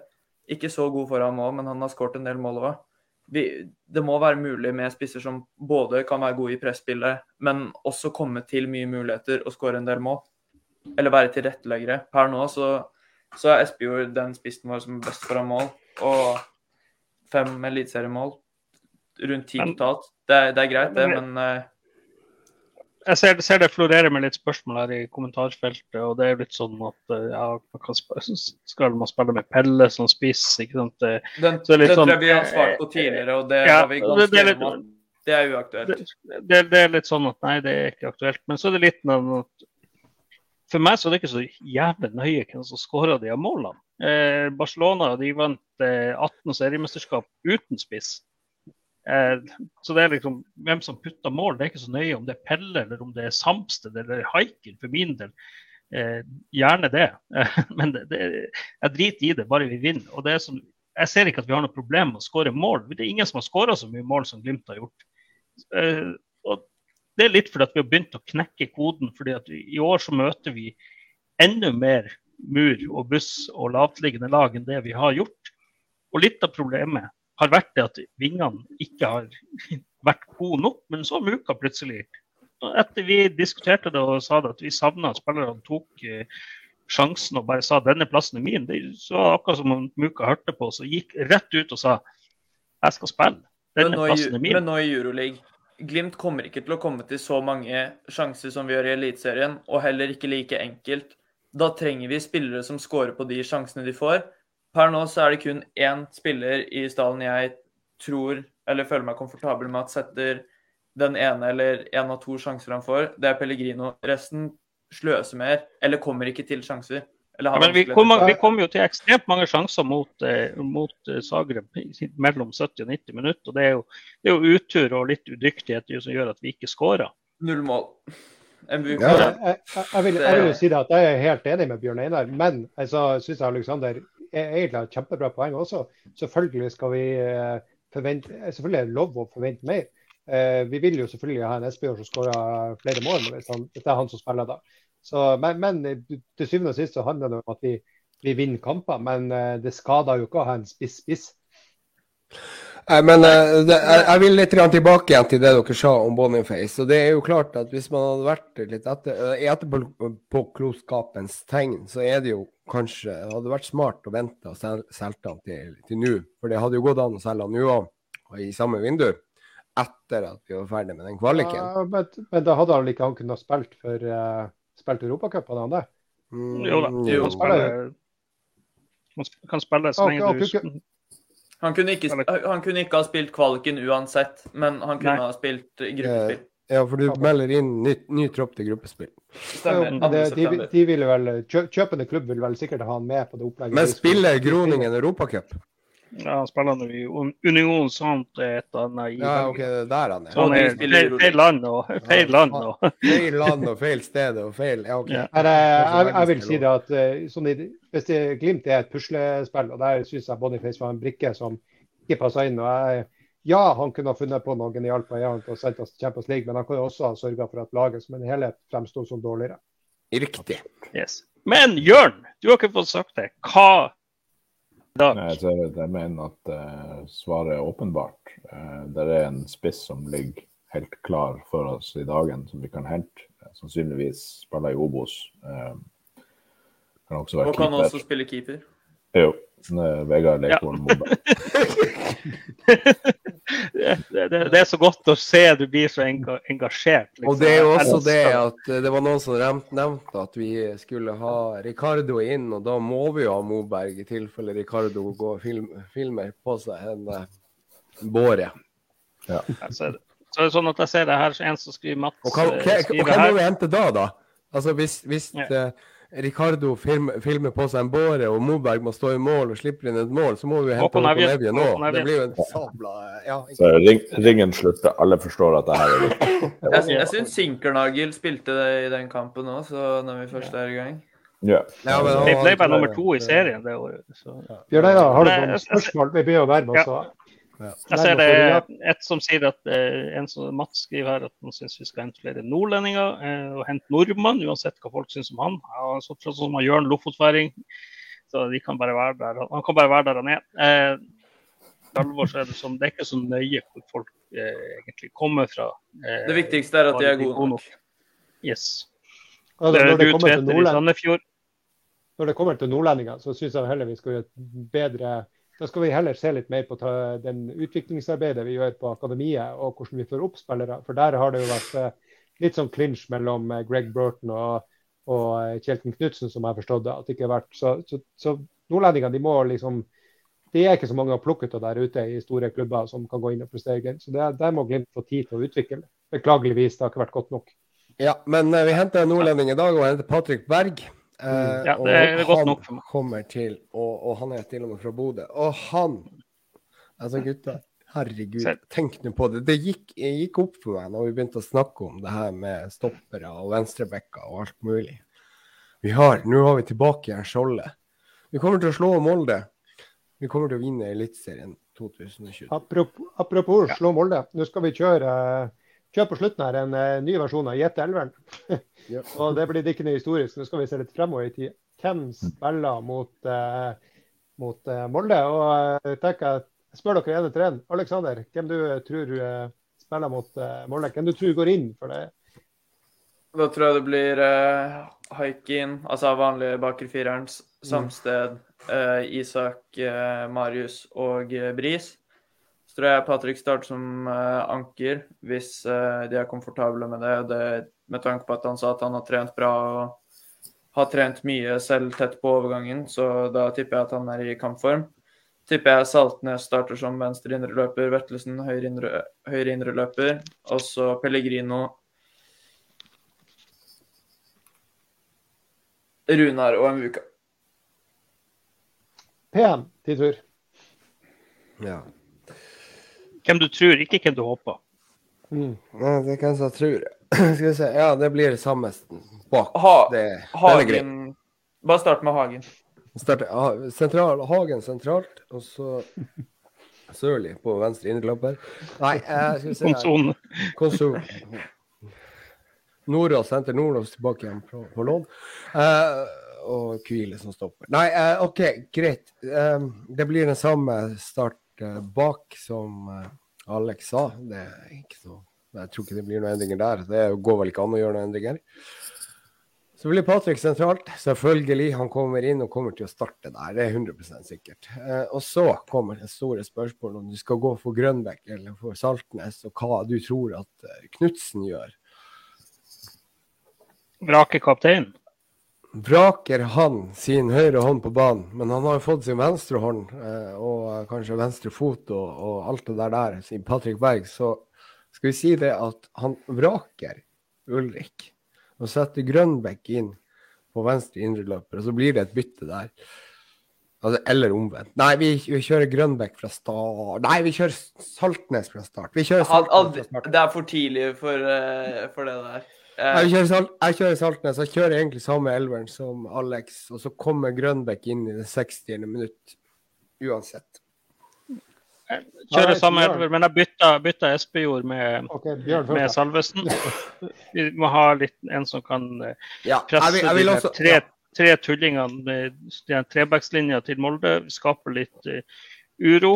Uh, derfor tror jeg Salvesen starta. Jeg syns eh, jeg tror ikke dette kamp, jeg tror det kampbildet vil passe han bedre enn eh, enn Espejord. Men så kommer Espejord og Grønbæk inn i, i det 60., og så får vi litt sånn samme opplegg som eh, at vi dominerer dem de siste 20.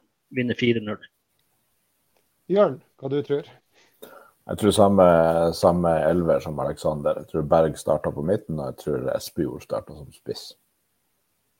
All right. Da kan jeg ta den siste. Jeg tror også jeg tror det er samme, bortsett fra at jeg tror eh, Salvesen starta som, som spiss. For jeg tror han kommer Jeg tror eh, vi, tre, vi trenger å rive og slite Molde i stykker. De er, Ja, jeg er de er trygge trygg- de trygge med ball. De er flinke å bygge opp bakfra. Uh, og, de tre, og vi trenger å rive de litt i stykker, at ikke de får de på med pasningsspillet sitt. Men da er jeg- jeg det. Da har jeg et spørsmål. Hvis vi spiller mot Molde nå, og den dagen vi hadde i dag, rekk opp hånda alle som tror at Molde vinner serien i år.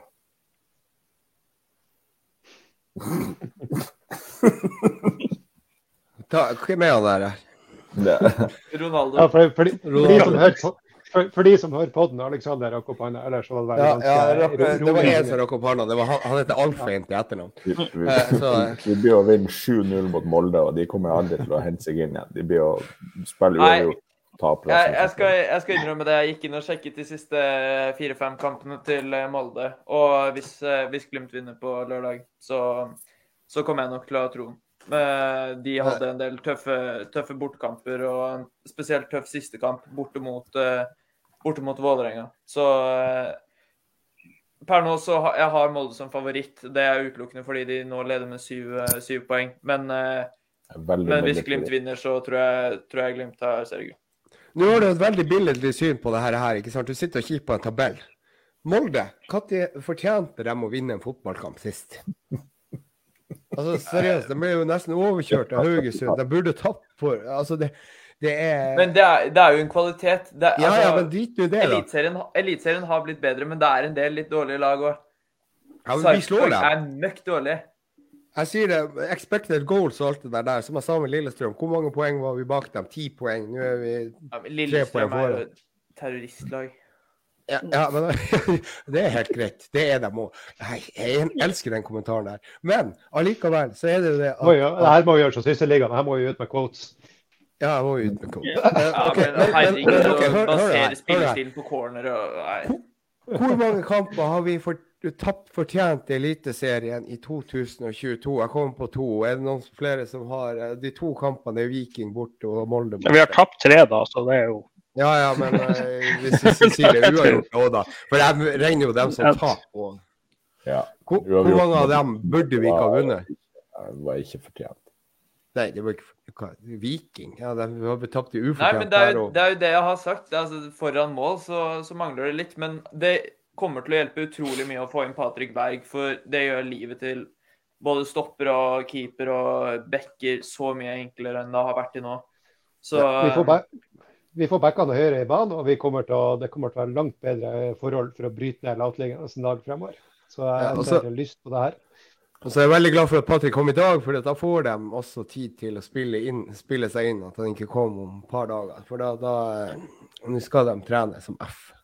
Ja, og det er jo litt sånn viktig- viktig, viktig aspekt at Glimt- Glimt-spillerne hadde jo fri, så de kom jo med flyet, flyet som landa 15 minutter etter Patrick. og At det aner ikke. Da kom jo de litt senere. Bare lurte på hva, hva, du, hva du gjør her. Jeg tror nok de fleste visste at Patrick eh, egentlig var klar. og det Herregud, hvor deilig det var.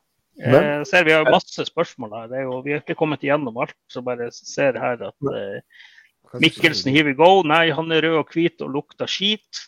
Så han vil vi ikke ha. Men eh, før vi går på nettshoppen din, PM, så må vi se enda lenger frem i tid til en, en storseier i utlandet. Eh, vi skal jo til London.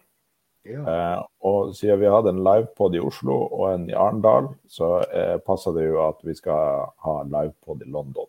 Så det får vi annonsere nå. Om det blir én eller to, om vi tar én med noen Arsenal-fans, og så tar vi én med tilreisende fans og, og sånn. Um, men det er plass til 3000 Glimt-fans på, på, Everett, så da forventer vi at det blir rundt, rundt det tallet.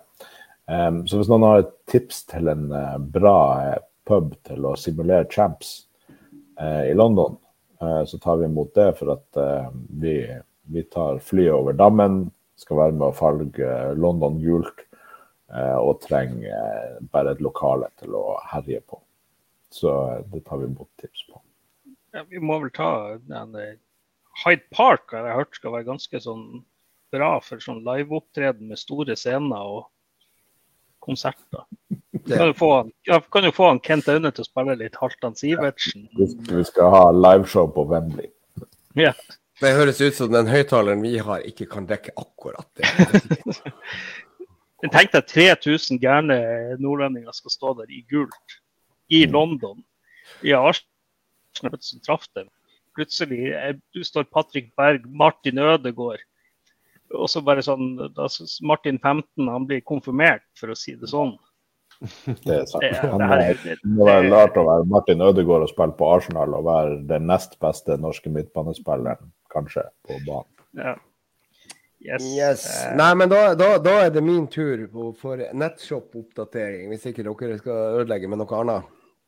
Nett, nettshop PM, det, er jo ja. fotballærer. Dere hater det. Virkelig, altså. Det, Nei, så lenge du ikke synger, så er det greit. Jeg skal, jeg skal synge etterpå. Uh, nå har vi laga for våre podkastlyttere så har vi laga en T-skjorte som, uh, som, det står 'Everybody in the pub getting tipsy'. Og så står det 'Saint Patrick'. Og uh, 29.8.2022.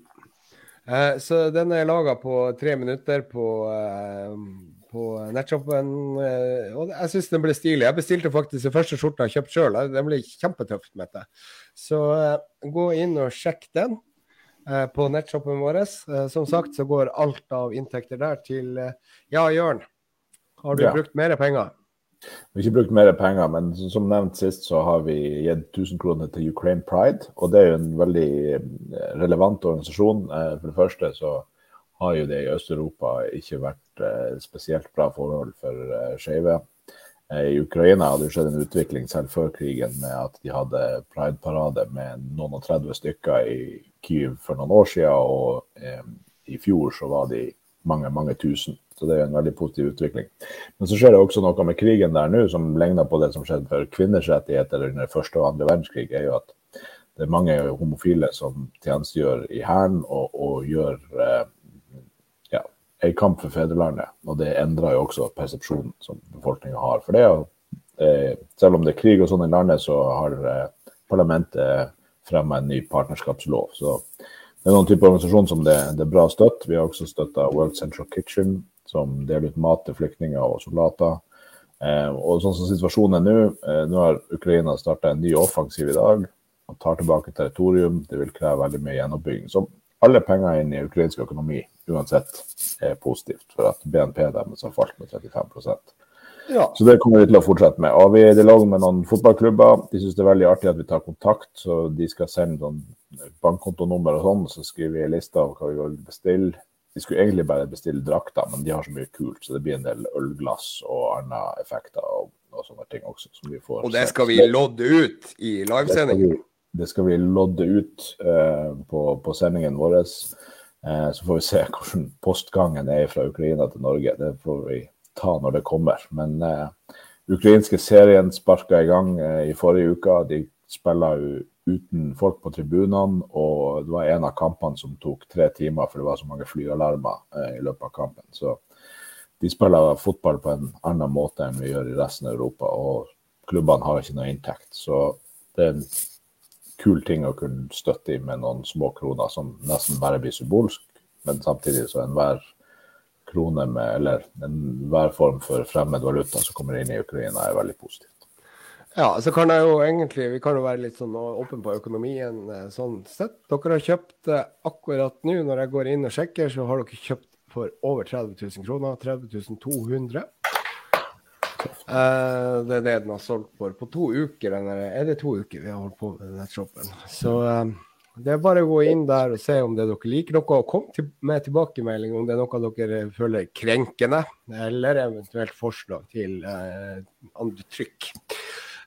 Så vi prøver nå å holde kreativiteten oppe, jeg og han, min mann i T-skjortebransjen.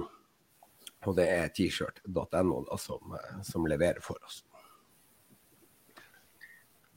prøver å vise det, jeg, jeg, har sånn, jeg har sånn blurry bilde, men jeg, jeg ser det Trond Olsen er og tweeter akkurat nå at det var bare å telle ned til neste signatur. Så er det sånn eh... De skal hente ja. toppskåreren De skal hente toppskåreren på Værøy. Ja, ja det, det kan fort skje, det. Systemet. Tror, tror, tror det kribler litt i Olsen her. Altså, vi, har brukt en, eh, vi har brukt en 60-70 millioner de siste gode uker, for å si det sånn. Likevel så har vi konkludert med at vi enten må signere en ny uh, keeper videre, eller altså, en, en, keeper må vi ha. Og vi må ha høyreback, og vi må ha venstreback, og vi må ha Lode inn som stopper. og Midtbane er vi bra på, og vi trenger en venstreving. Det var det vi som grovt sett konkluderte med, var det ikke det? Jo, absolutt. Men dere, dere, det her er jo litt viktig. Jeg føler ikke at vi har diskutert det godt nok. Eh, det er jo noen som er bekymra for pengebruken. Og jeg har jo sittet her og stukket inn kommentarer hele kveld at det er lurt å gjøre de her kjøpene som er gjort. Vi har kjøpt eh, verdistigningsprodukter. Vi har kjøpt Grønbekk. altså om han koster Om Patrick Berg eller Grønbekk er den dyreste spilleren som er kjøpt inn til Eliteserien, er jeg faktisk eh, ganske usikker på. Fordi at den summen til Grønbekk den eh, går litt sånn opp og ned. Eh, noen som sier 26 millioner. Eh, Stig Inge Bjørneby han mener jo at det er 70 000 millioner. Eh, mens andre sier 40. Kan vi ikke se det her på børsmelding eh, fra selveiende klubb? Ja, Er det noen som klarer å finne det ut, så hadde det vært veldig fint. Uh, men uh, per nå så, så, vet vi jo ikke den summen der. Men det, det antydes mellom uh, opp mot 40 hvis Glimt altså, Det er jo nok klausuler som, og prestasjonsbonuser som slår ut der. Så, så, det kan være det at faktisk ikke Patrick Berg er den dyreste. Patrick Berg skal visst være 35 000 flatt uten noe som helst ekstra. Ja, det ville vært veldig billig. Uh, ikke videresalgsklausul heller, sånn som jeg har forstått det. Men det bare, bare for å skyte inn, så sier så Transfermarkt sier 3 millioner euro, nei, pund. Så om det er noe de har henta ut av løs lufta, eller gudene vet. Ja, det, ja, om det var henta fra Glimt i øyet, eller fra, ja. eller fra Jørn Sund Henriksen. Ikke sant? Altså, det, det, kan jo være hvor som helst. men, men allikevel så, så mener jo jeg at de her investeringene her er gode pga. at vi blir et bedre fotballag som kommer til å spille inn mye mer penger enn hva vi hadde gjort hvis vi hadde vært og henta en to million spiller i Obos som skulle utvikle seg i løpet av to år.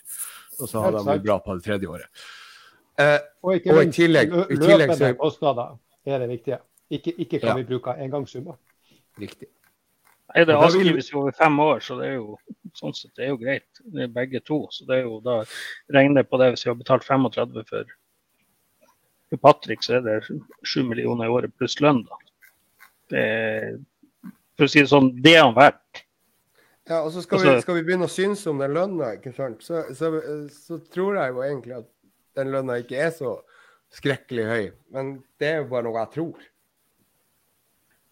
Ja, jeg tror heller ikke den eh, når, eh, når, han eh, kom tilbake til Bodø, så var det for å spille fotball der han mente det var riktig riktig for å fortsette å utvikle seg. Og, og han syns det, det virka som den beste sportslige pakken. Da tror, jeg, da tror jeg ikke økonomi er noe han tenkte altfor mye på, både fordi han vet Glimt sin Altså hvordan lønnsstrukturen i Glimt har fungert. Og han er komfortabel med å komme tilbake utelukkende for å spille fotball. Men han er nok garantert en av de med best lønning i klubben. Men det, det har han også gjort seg fortjent til.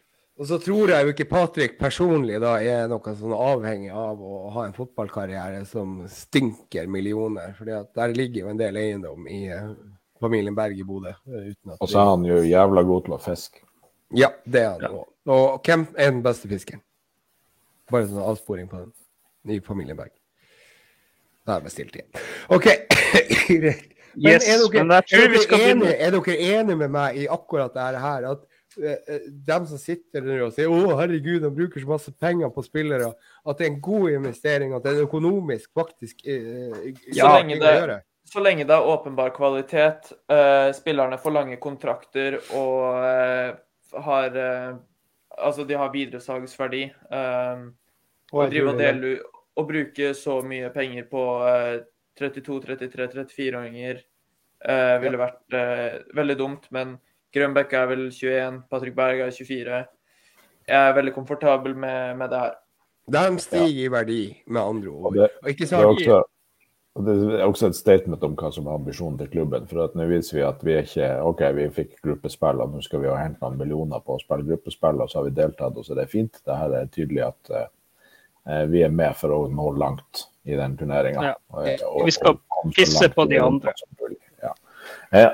Eh, om det Nå har 538, et nettsted jeg liker veldig godt, oppdatert deres prognoser for uh, Uefa Europa League uh, den kommende sesongen.